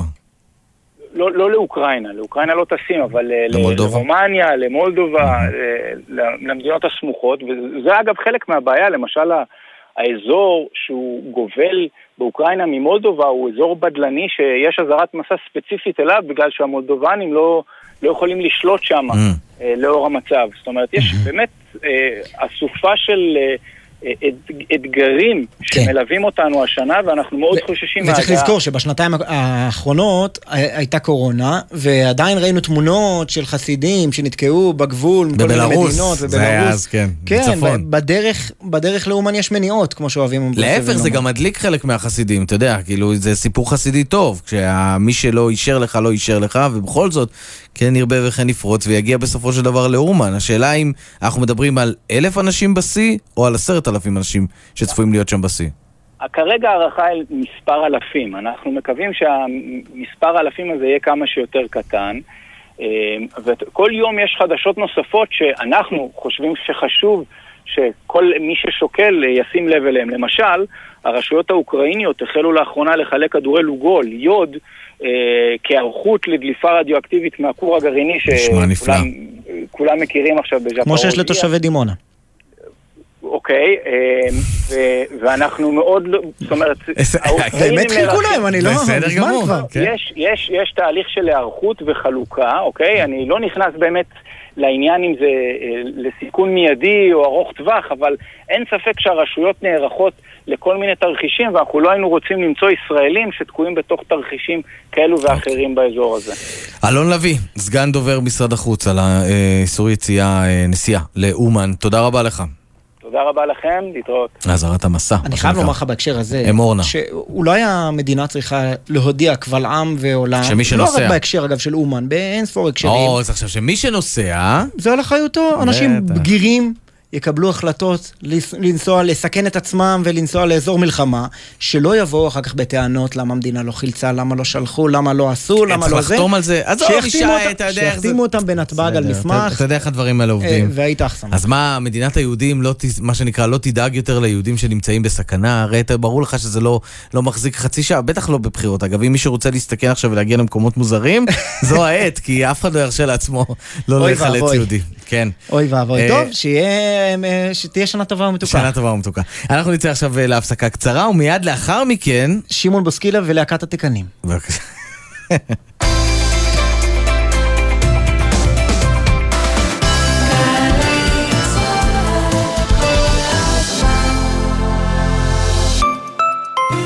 ארגון המורים עמיתי קרנות השוטרים והסוהרים. יריד הקרנות חוזר בסימן התחדשות עם מתנה אישית לכל עמית המבקר ביריד בהתאם לתקנון. וגם מבצעים ומגוון מותגי חשמל, בית, אופנה, ספורט ועוד. פרטים באתר מ-1 עד 14 בספטמבר גני יהושע תל אביב. חניה חינם יש לכם דרך שווה להגיע לבית הספר. חדש, חופשי חודשי ילדות, ילדים ונוער, בני 5 עד 18 ב-50% הנחה. לנסוע בלי הגבלה כל החודש לבית הספר, לחוגים, לבקר משפחה או חברים וגם לבלות. אחרי שהשלמנו את שיעורי הבית. פשוט לנסוע יותר ולשלם פחות. למידע נוסף, חפשו משרד התחבורה דרך שווה, ושתהיה שנת לימודים טובה. החלפתם גבעה מאולגה לשמואל? או אולי עברתם טירה מטירת כרמל לטירת צבי? אם עברתם דירה והחלפתם כתובת, ודאו כי מידע זה יתעדכן בפנקס הבוחרים, כדי שתוכלו להצביע בקרבת מקום מגוריכם הנוכחי. עדכון כתובת המגורים אפשרי עד י"ב באלול תשפ"ב, 8 בספטמבר 2022. כל המידע באתר משרד הפנים. שאלות אישיות. שמעון אלקבץ בשיחה אישית עם ראש בית הספר לתקשורת במכללה האקדמית ספיר, הדוקטור מוטי גיגי, על מחקריו, פועלו ועל בני הדור הראשון להשכלה גבוהה. אתה לא יודע את השפה, אתה לא יודע את הקודים, אתה לא יודע מה מותר ומה אסור. אני זוכר שהייתי בתחילת הדוקטורט והגיעו אנשים להתחיל להסביר לנו, להבין את השפה. אמרתי להם, אני חושב שבמוסד אתה יכול להבין את הכללים יותר טוב מאשר בהשכלה הגבוהה. שבת, שמונה בבוקר, גלי צה"ל. מה זה באמת להיות ישראלי? דינה זילבר במסע לתוך הישראליות עם דמויות מפתח בחברה, בספרות ובתרבות. והשבוע, הדוקטור עמליה זיו. התרבות הלסבית מכירה בגבריות אצל נשים ביולוגיות, ומבחינתי הזהות הזו שלי מקרינה על הזהות המשפחתית שלי, הזהות ההורית שלי. מילים ומשפטים עם דינה זילבר. הערב בשמונה, גלי צה"ל. עכשיו בגלי צה"ל, ישי שנר ויניר קוזין. הנה כי שבנו. בהחלט. 6.35. כן. שלום. ואנחנו בבקשה. אה, בשעה הזאת בשבוע, כן. מארחים כאן, אה, מתכבדים בקלון חברינו, יפה. כמו שאומרים. יפה. אנחנו מארחים כאן אומני במה, פרפורמרים, אנשים שהם, תפקידם להופיע מול קהל, ומה לעשות, לפעמים קורות פדיחות. וכמו אה, אה, אנשים טובים וישרים, אנחנו מבקשים מהם להציף פה אצלנו את הטראומה. בבקשה, אז יש מעברון. כוכבים משתפים בפדיחות על הבמה. בהחלט רן יבנאי, אנחנו משתפים בפדיחות על הבמה. חד משמעית. והיום נמצא איתנו לא אחר מאשר הזמר, היוצר, שמעון בוסקילה, שלום לך. ערב טוב לכם. וואו, זה טוב, שמעון, אה, מה שנקרא, אתה, אתה, אני אגיד לך איך אתה נתפס לפחות, בעיניי. אה, זמר מאוד מאוד רציני, אה, עמוק, אני חושב שזה נכון גם. אה, לא, לא בן אדם הראשון שהייתי חושב עליו כאחד שעושה פדיחות. אה, חשבתי שאתה הולך להגיד שהוא נתפס כיבאבא. לא, זה נכון, אבל אה, זה נתפס, אה, לפעמים אין מה לעשות, קורים, אה, קורים דברים כאלה, קורים הפתעות, ו- וזה מגניב, אתה יודע, אבל אתה יודע, אני לא, לא עושה מזה עניין. אתה יודע, זה חלק מההופעה, וזה זה הכי מדליק, לא? בוא נוביל אותך, אתה יודע מה אם כבר... אה? רגע, אתה לא חושב על זה שאמר לי הבבא? יא בבא. לא, תשמע, אה, תמיד תענוג לשמוע את קולך, אה, ואנחנו, אתה יודע, כמו נשרים שעטים על פגרים, כן. רוצים, לראות איפה יש... איפה יש ג'וס. אז אם כבר אמר יא בבא, אז בוא נלך על הפעם ההיא שהיית צריך לשיר יממה, וזה פחות הלך. אז בדיוק, אז הכי קטע שבדיוק, אפרופו אנחנו מדברים על אה, יממה, בסוף אני שר את יממה, הקטע הכי מצחיק, שהשיר הזה שרתי אותו באלפי אין ספור הופעות, ואת הטקסט כתבתי אותו, והכי קטע, אני בא לשיר את הבית, אני לא זוכר את המילים. מה? קיבלתי, לא זוכר את המילים של הבית, קיבלתי בלקאוט. עכשיו תראה, אה, היו פה אומנים לפניך, שאתה יודע, מספרים על שירים, אתה יודע, זה גם לא שיר שמישהו כתב לך, זה שיר שאתה כתבת. אה, איזה, איזה מצב נפשי אתה נמצא שיש לך בלקאוט על שיר שאתה כתבת? זה לא בקטע שאני איזה שיני לי או משהו כזה. לא, לא, לא אמרתי את זה. לא. על מה לא, חשבת? אני- כנראה לא יודע. איפה הייתה ההופעה? ו... אה, שזה במרכז, זה זה באחת ההופעות, ואנשים התחילו לצחוק ואז עצרתי את ה- עצרתי את הקלידה. אמרתי להם, רגע, רגע, סליחה, פשוט לא הייתי פה. עכשיו אתה שר כאילו, אתה שר מהימ"מ, הימ"מ, הימ"מ, ולא מתניע כאילו? לא, אני לא זוכר את המילים של הבת, ואני כזה לאלתר ואני עושה מג'ברש ככה. אני אגיד לך את האמת, הרבה אנשים, אתה יודע, מזמזמים את השיר הזה, הם לא סגורים לגמרי על המילים. אתה יכול לחרטט אותם, לא כן. ישימו לב. לא, לא, לא, לא, אבל אתה יודע, לא, אתה יודע, אתה יודע, אתה לא יכול לחרטט. הכי קטע, שהיום כבר ילד, כבר ילד שר את השיר הזה. ילדים שרים את השיר הזה, ואתה יודע, אתה כבר, אתה לא... אתה יודע, אם השיר היה יוצא חדש, ואתה יודע, אללה בסדר, אבל... אבל כשיר ש, שעבר אה, עבר הרבה אודישנים השיר הזה, ו- ו- ו- וילדים שרו אותו אין ספור פעמים, אתה לא יכול לבוא ולחרטט אותם ולהגיד וואלה, ברור. ולכן נתן לי את הפדיחה והתחלתי לצחוק וכולם צחקו. אה, אתה צוחק על הבמה? אתה פשוט באמצע השיר. מתחיל לצחוק? פשוט גיחכתי על עצמי, אתה יודע. גיחכתי על עצמי, אתה יודע. מה, אני כתבתי את השיר, אני לא זוכר את המילים, זה הכי מצחיק.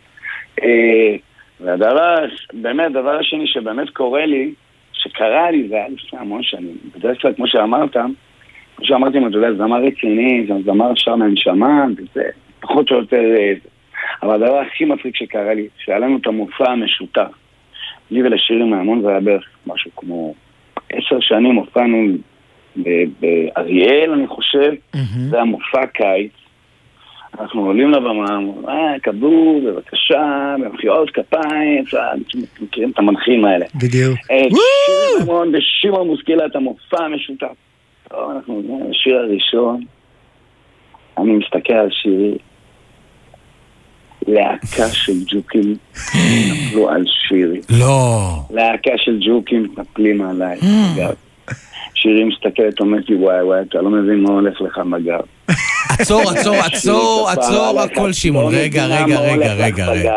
ג'וקים, אנחנו מדברים על תיקנים, ג'וקים עפים כזה? ג'וקים התעופפו לנו על הבמה. אוי אוי אוי, זה- אחד הנוראים ששמענו. ג'וקים, הבמה הייתה מלאה בג'וקים. באמצע שאתם שרים? איפה זה היה? איפה זה היה? באריאל הוא אמר. אה, באריאל. זה היה במת קיץ שם באזור אריאל. והיה חם, בכלל התאורה, בכלל עם כל התאורה. לא ידענו מה לעשות. אחרי זה עשר דקות יצאנו.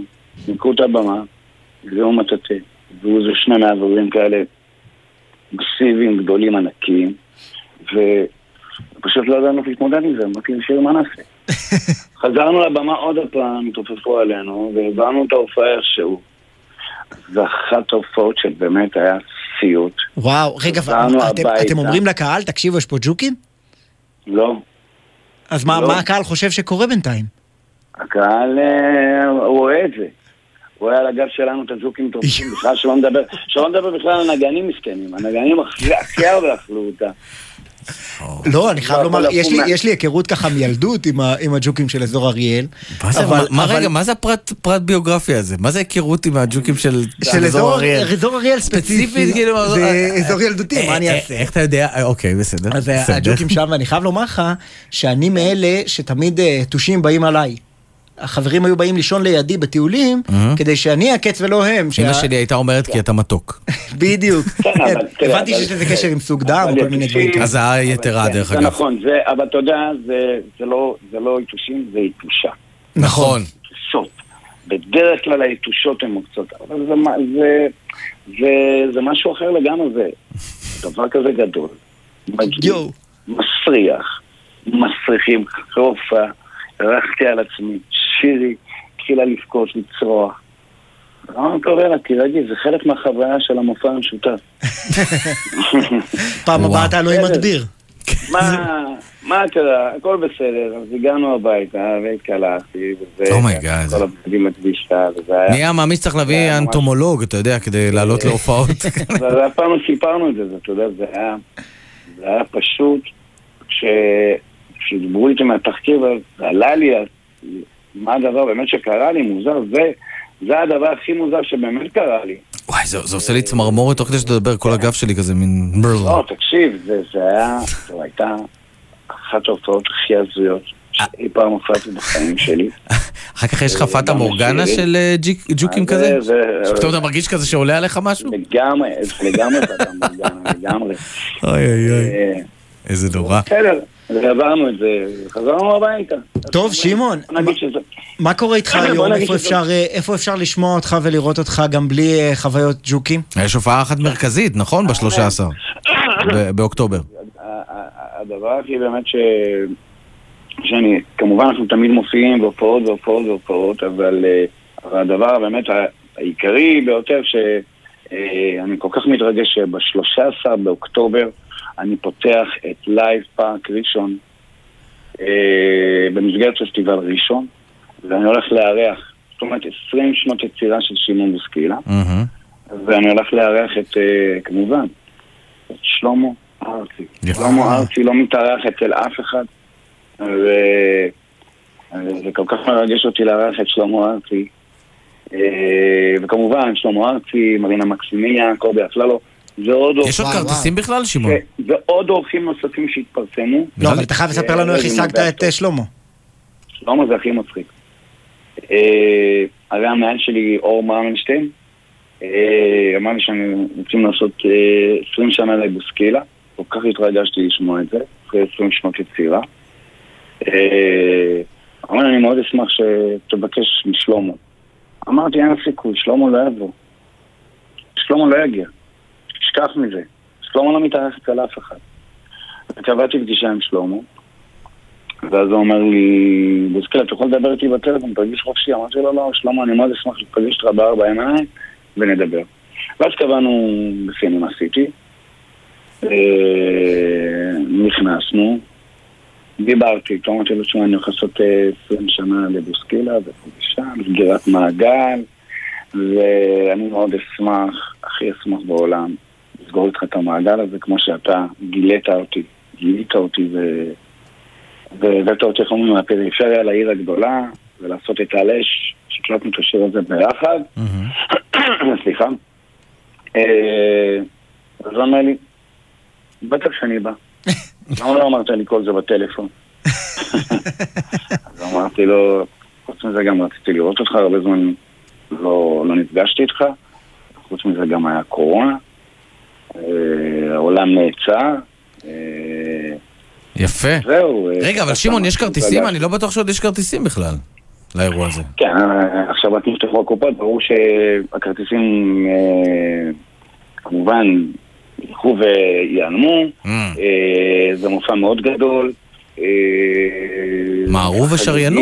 מה כן. שמעון בוסקילה, 20 שנות יצירה, לייב. פארק ראשון לציון, 13 באוקטובר, אה, עם אה, שלמה ארצי, מרינה מקסימיליאן, קובי אפללו, כוכב הפינה. כן, אם אני מבקש משמעון עכשיו בכל זאת לשיר לנו את ימ"מ, את השורה ששכחת אז, אתה תדע? ככה בשלוף? זה בטוח, אוי ואבוי לי. יאללה, תן. רוצה לנכס פה. תן, תן, תן, נו, תן לנו. يما ليش مشيتي انت عمري وانت حياتي ويني فيك يا ماما ברור שאני זוכר.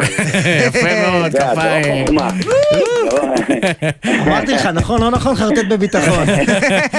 שמעון בוסקילה, הרבה הרבה בהצלחה במופע הגדול ובכלל, תודה רבה. לכם, תודה ב- רבה. בערב טוב. כן, תודה רבה. תודה. יפה. איי, כן, איי. לא שכח, מה שנקרא. כן, אני לא, עד עכשיו לא בטוח שזה המילים האמיתיות. מה שהוא שר לנו. אוי, נו באמת איש. אה, טוב, אה, ברשותך אנחנו פתחנו בזה ולכן בכך גם נסיים. אה, סיפורים מתוך היום הראשון. היום הראשון ללימודים. היום הראשון ללימודים, והיום הראשון בכלל בבית הספר, כי זה תמיד, תמיד נחמד לדבר עם מישהו או מישהי שהיום דרכו בפעם הראשונה בכיתה א'. אתה זוכר את הכיתה א' הראשון שלך? חד משמעית. מה היה? לא אפשרתי להורים שלי להתקרב. ואז הגעתי לכיתה וגיליתי שאני היחיד שבא בלי ההורים שלו. אה, כולם- אה, כולם הילדים ישבו איתם בתוך, ההורים ישבו עם ילדים בתוך הכיתה, כיתה א'. ילד נורא ואני מוזר. חשבתי שאני עצמאי. ילד מוזר ואמרתי, קצת. כבר עולה כיתה א', ילד בוגר. וואו, משונה קצת, לא?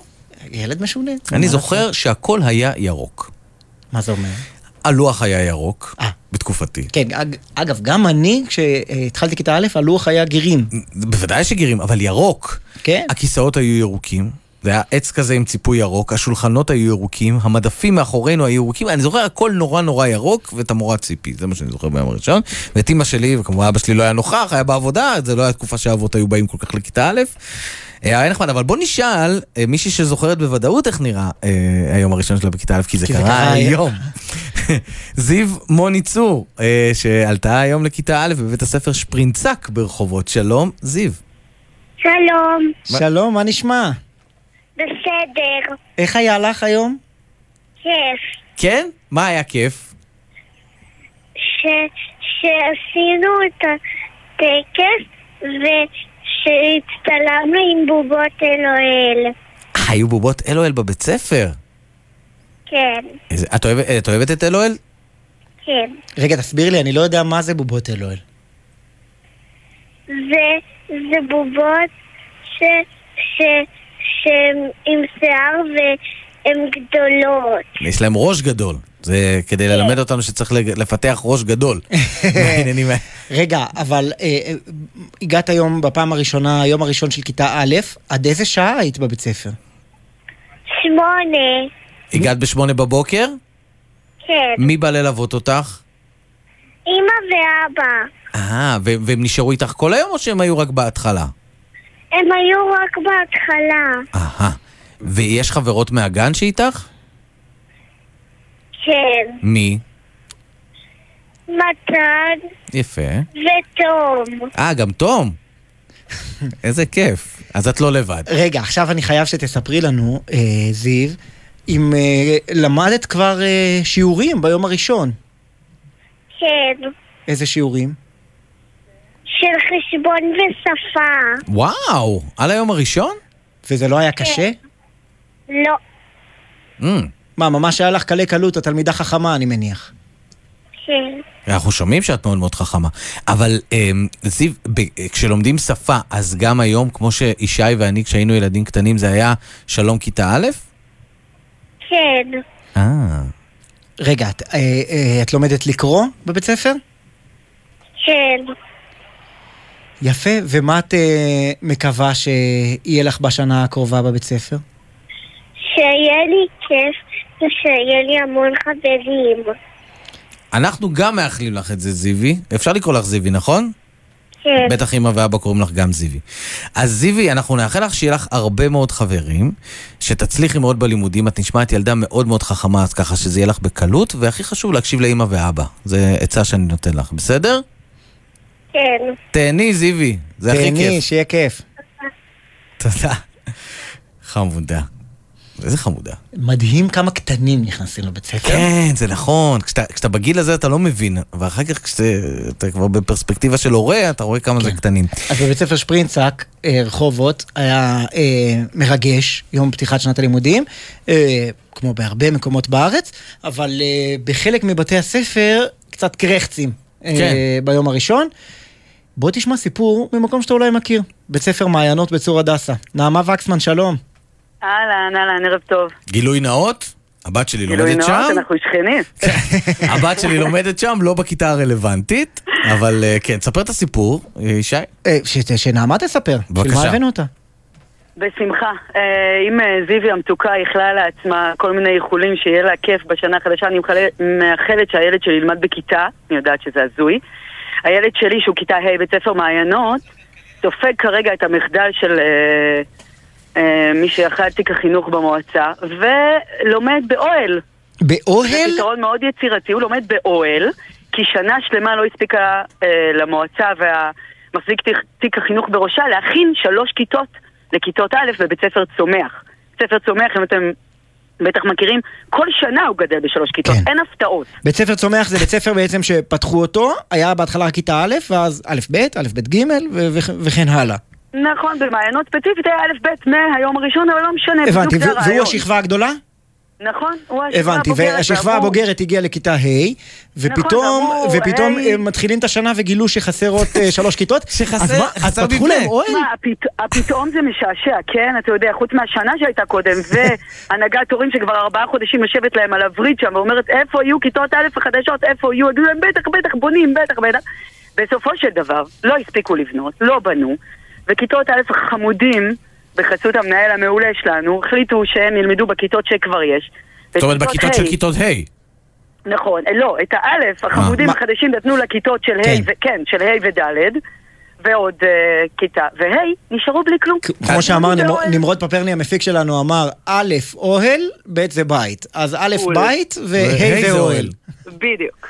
אוהל, אשכרה אוהל, באמת, כאילו מין לא, אבל רגע, רגע, מה- זה האוהל? תתארי לנו, כי אני לא מצליח לדמיין את ה- את אתם הדבר הזה.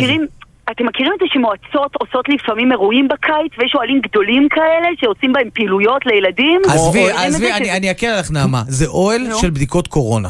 אה, זה. בול, יפה, בול. לבן לבן כזה. כזה. מכל הכיוונים, פתוח ובלי לגמרי. דלת כמובן. בלי דלת, עם חלונות שקופים מכל הכיוונים.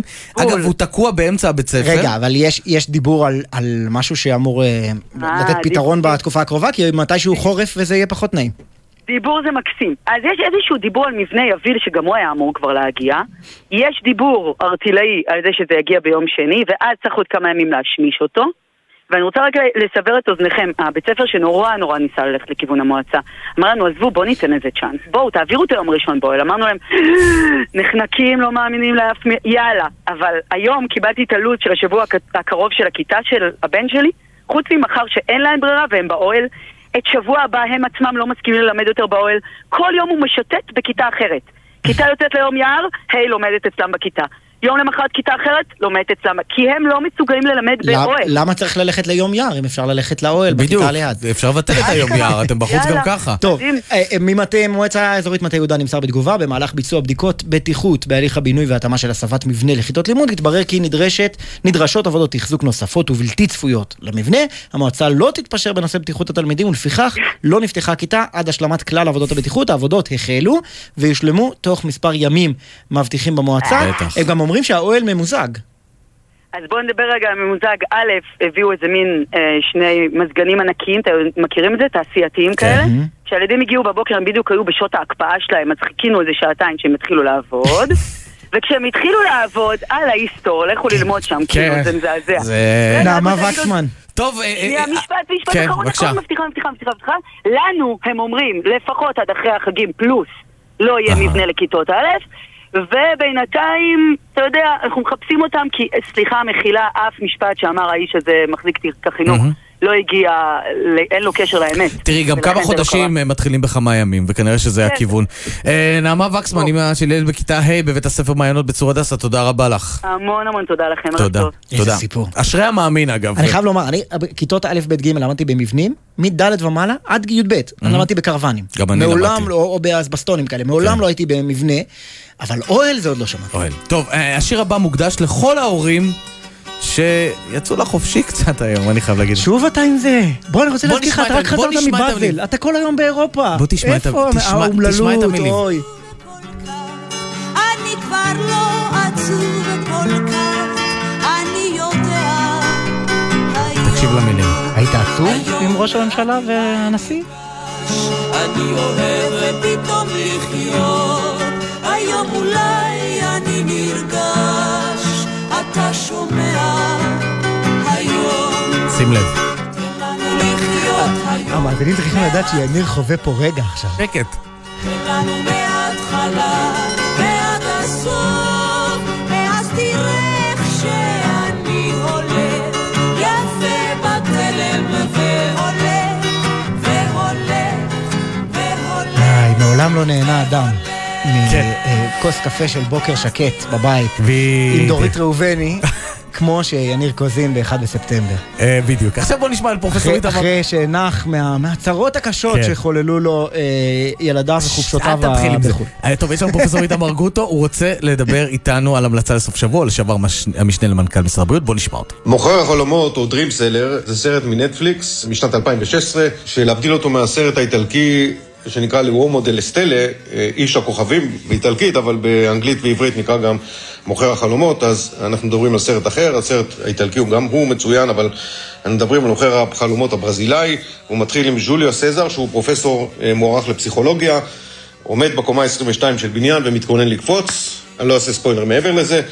הסרט, אה, לי הוא הציע איזושהי הסתכלות אחרת על סדרי עדיפויות בחיים, הזדהיתי מאוד עם האופטימיות שהוא משדר, אני חושב שאני יכול להגדיר אותו מבחינתי כמרחיב תודעה, אז מי שרוצה קצת לקחת פסק זמן, קצת לחשוב, שעה וחצי בערך, סרט מנטפליקס, מברזיל, דובר פורטוגזית, הסופר הוא פסיכיאטר בשם אוגוסטו קארי, הבמאי חיימה מונז'רדים, השם הפורטוגזי O Vendedor de Sonhos, אז שיהיה לכם סוף שבוע נעים, תגשימו את כל החלומות שלכם, ומי שיראה את הסרט, שיהיה לו obrigado.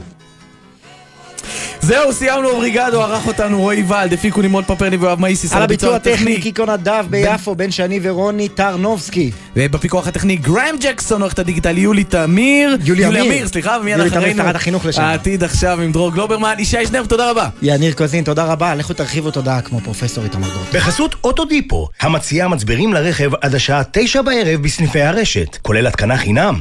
כי אין סיבה לשרוף את שישי במוסך. אוטודיפו.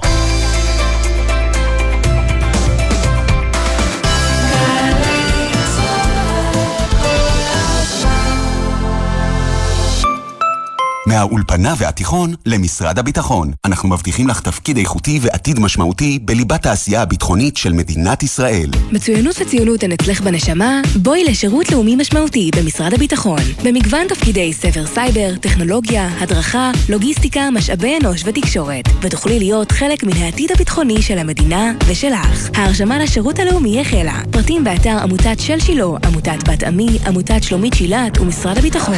שירות הכי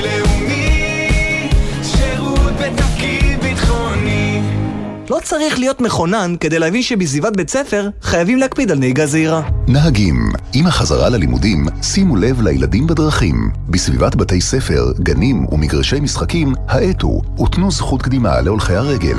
שתהיה לכולנו שנת לימודים מוצלחת ובטוחה. הרלב"ד, מחויבים לאנשים שבדרך. שישי בשש, סוף סוף קצת שקט. אפשר לשמוע ציוץ של ציפור, רשרוש של עיתון, נחירות של שנץ, אבל כדאי לשמוע את שש בשישי. גלי צה"ל בתוכנית חדשה. אנשי תרבות, חברה וספורט באים לאולפן גלי צה"ל עם שש תובנות, גילויים חדשים או סיפורים אישיים מהשבוע החולף. והפעם, יאיר ניצני, שש בשישי. מחר, שש בערב, גלי צה"ל. מיד אחרי החדשות, דרור גלוברמן.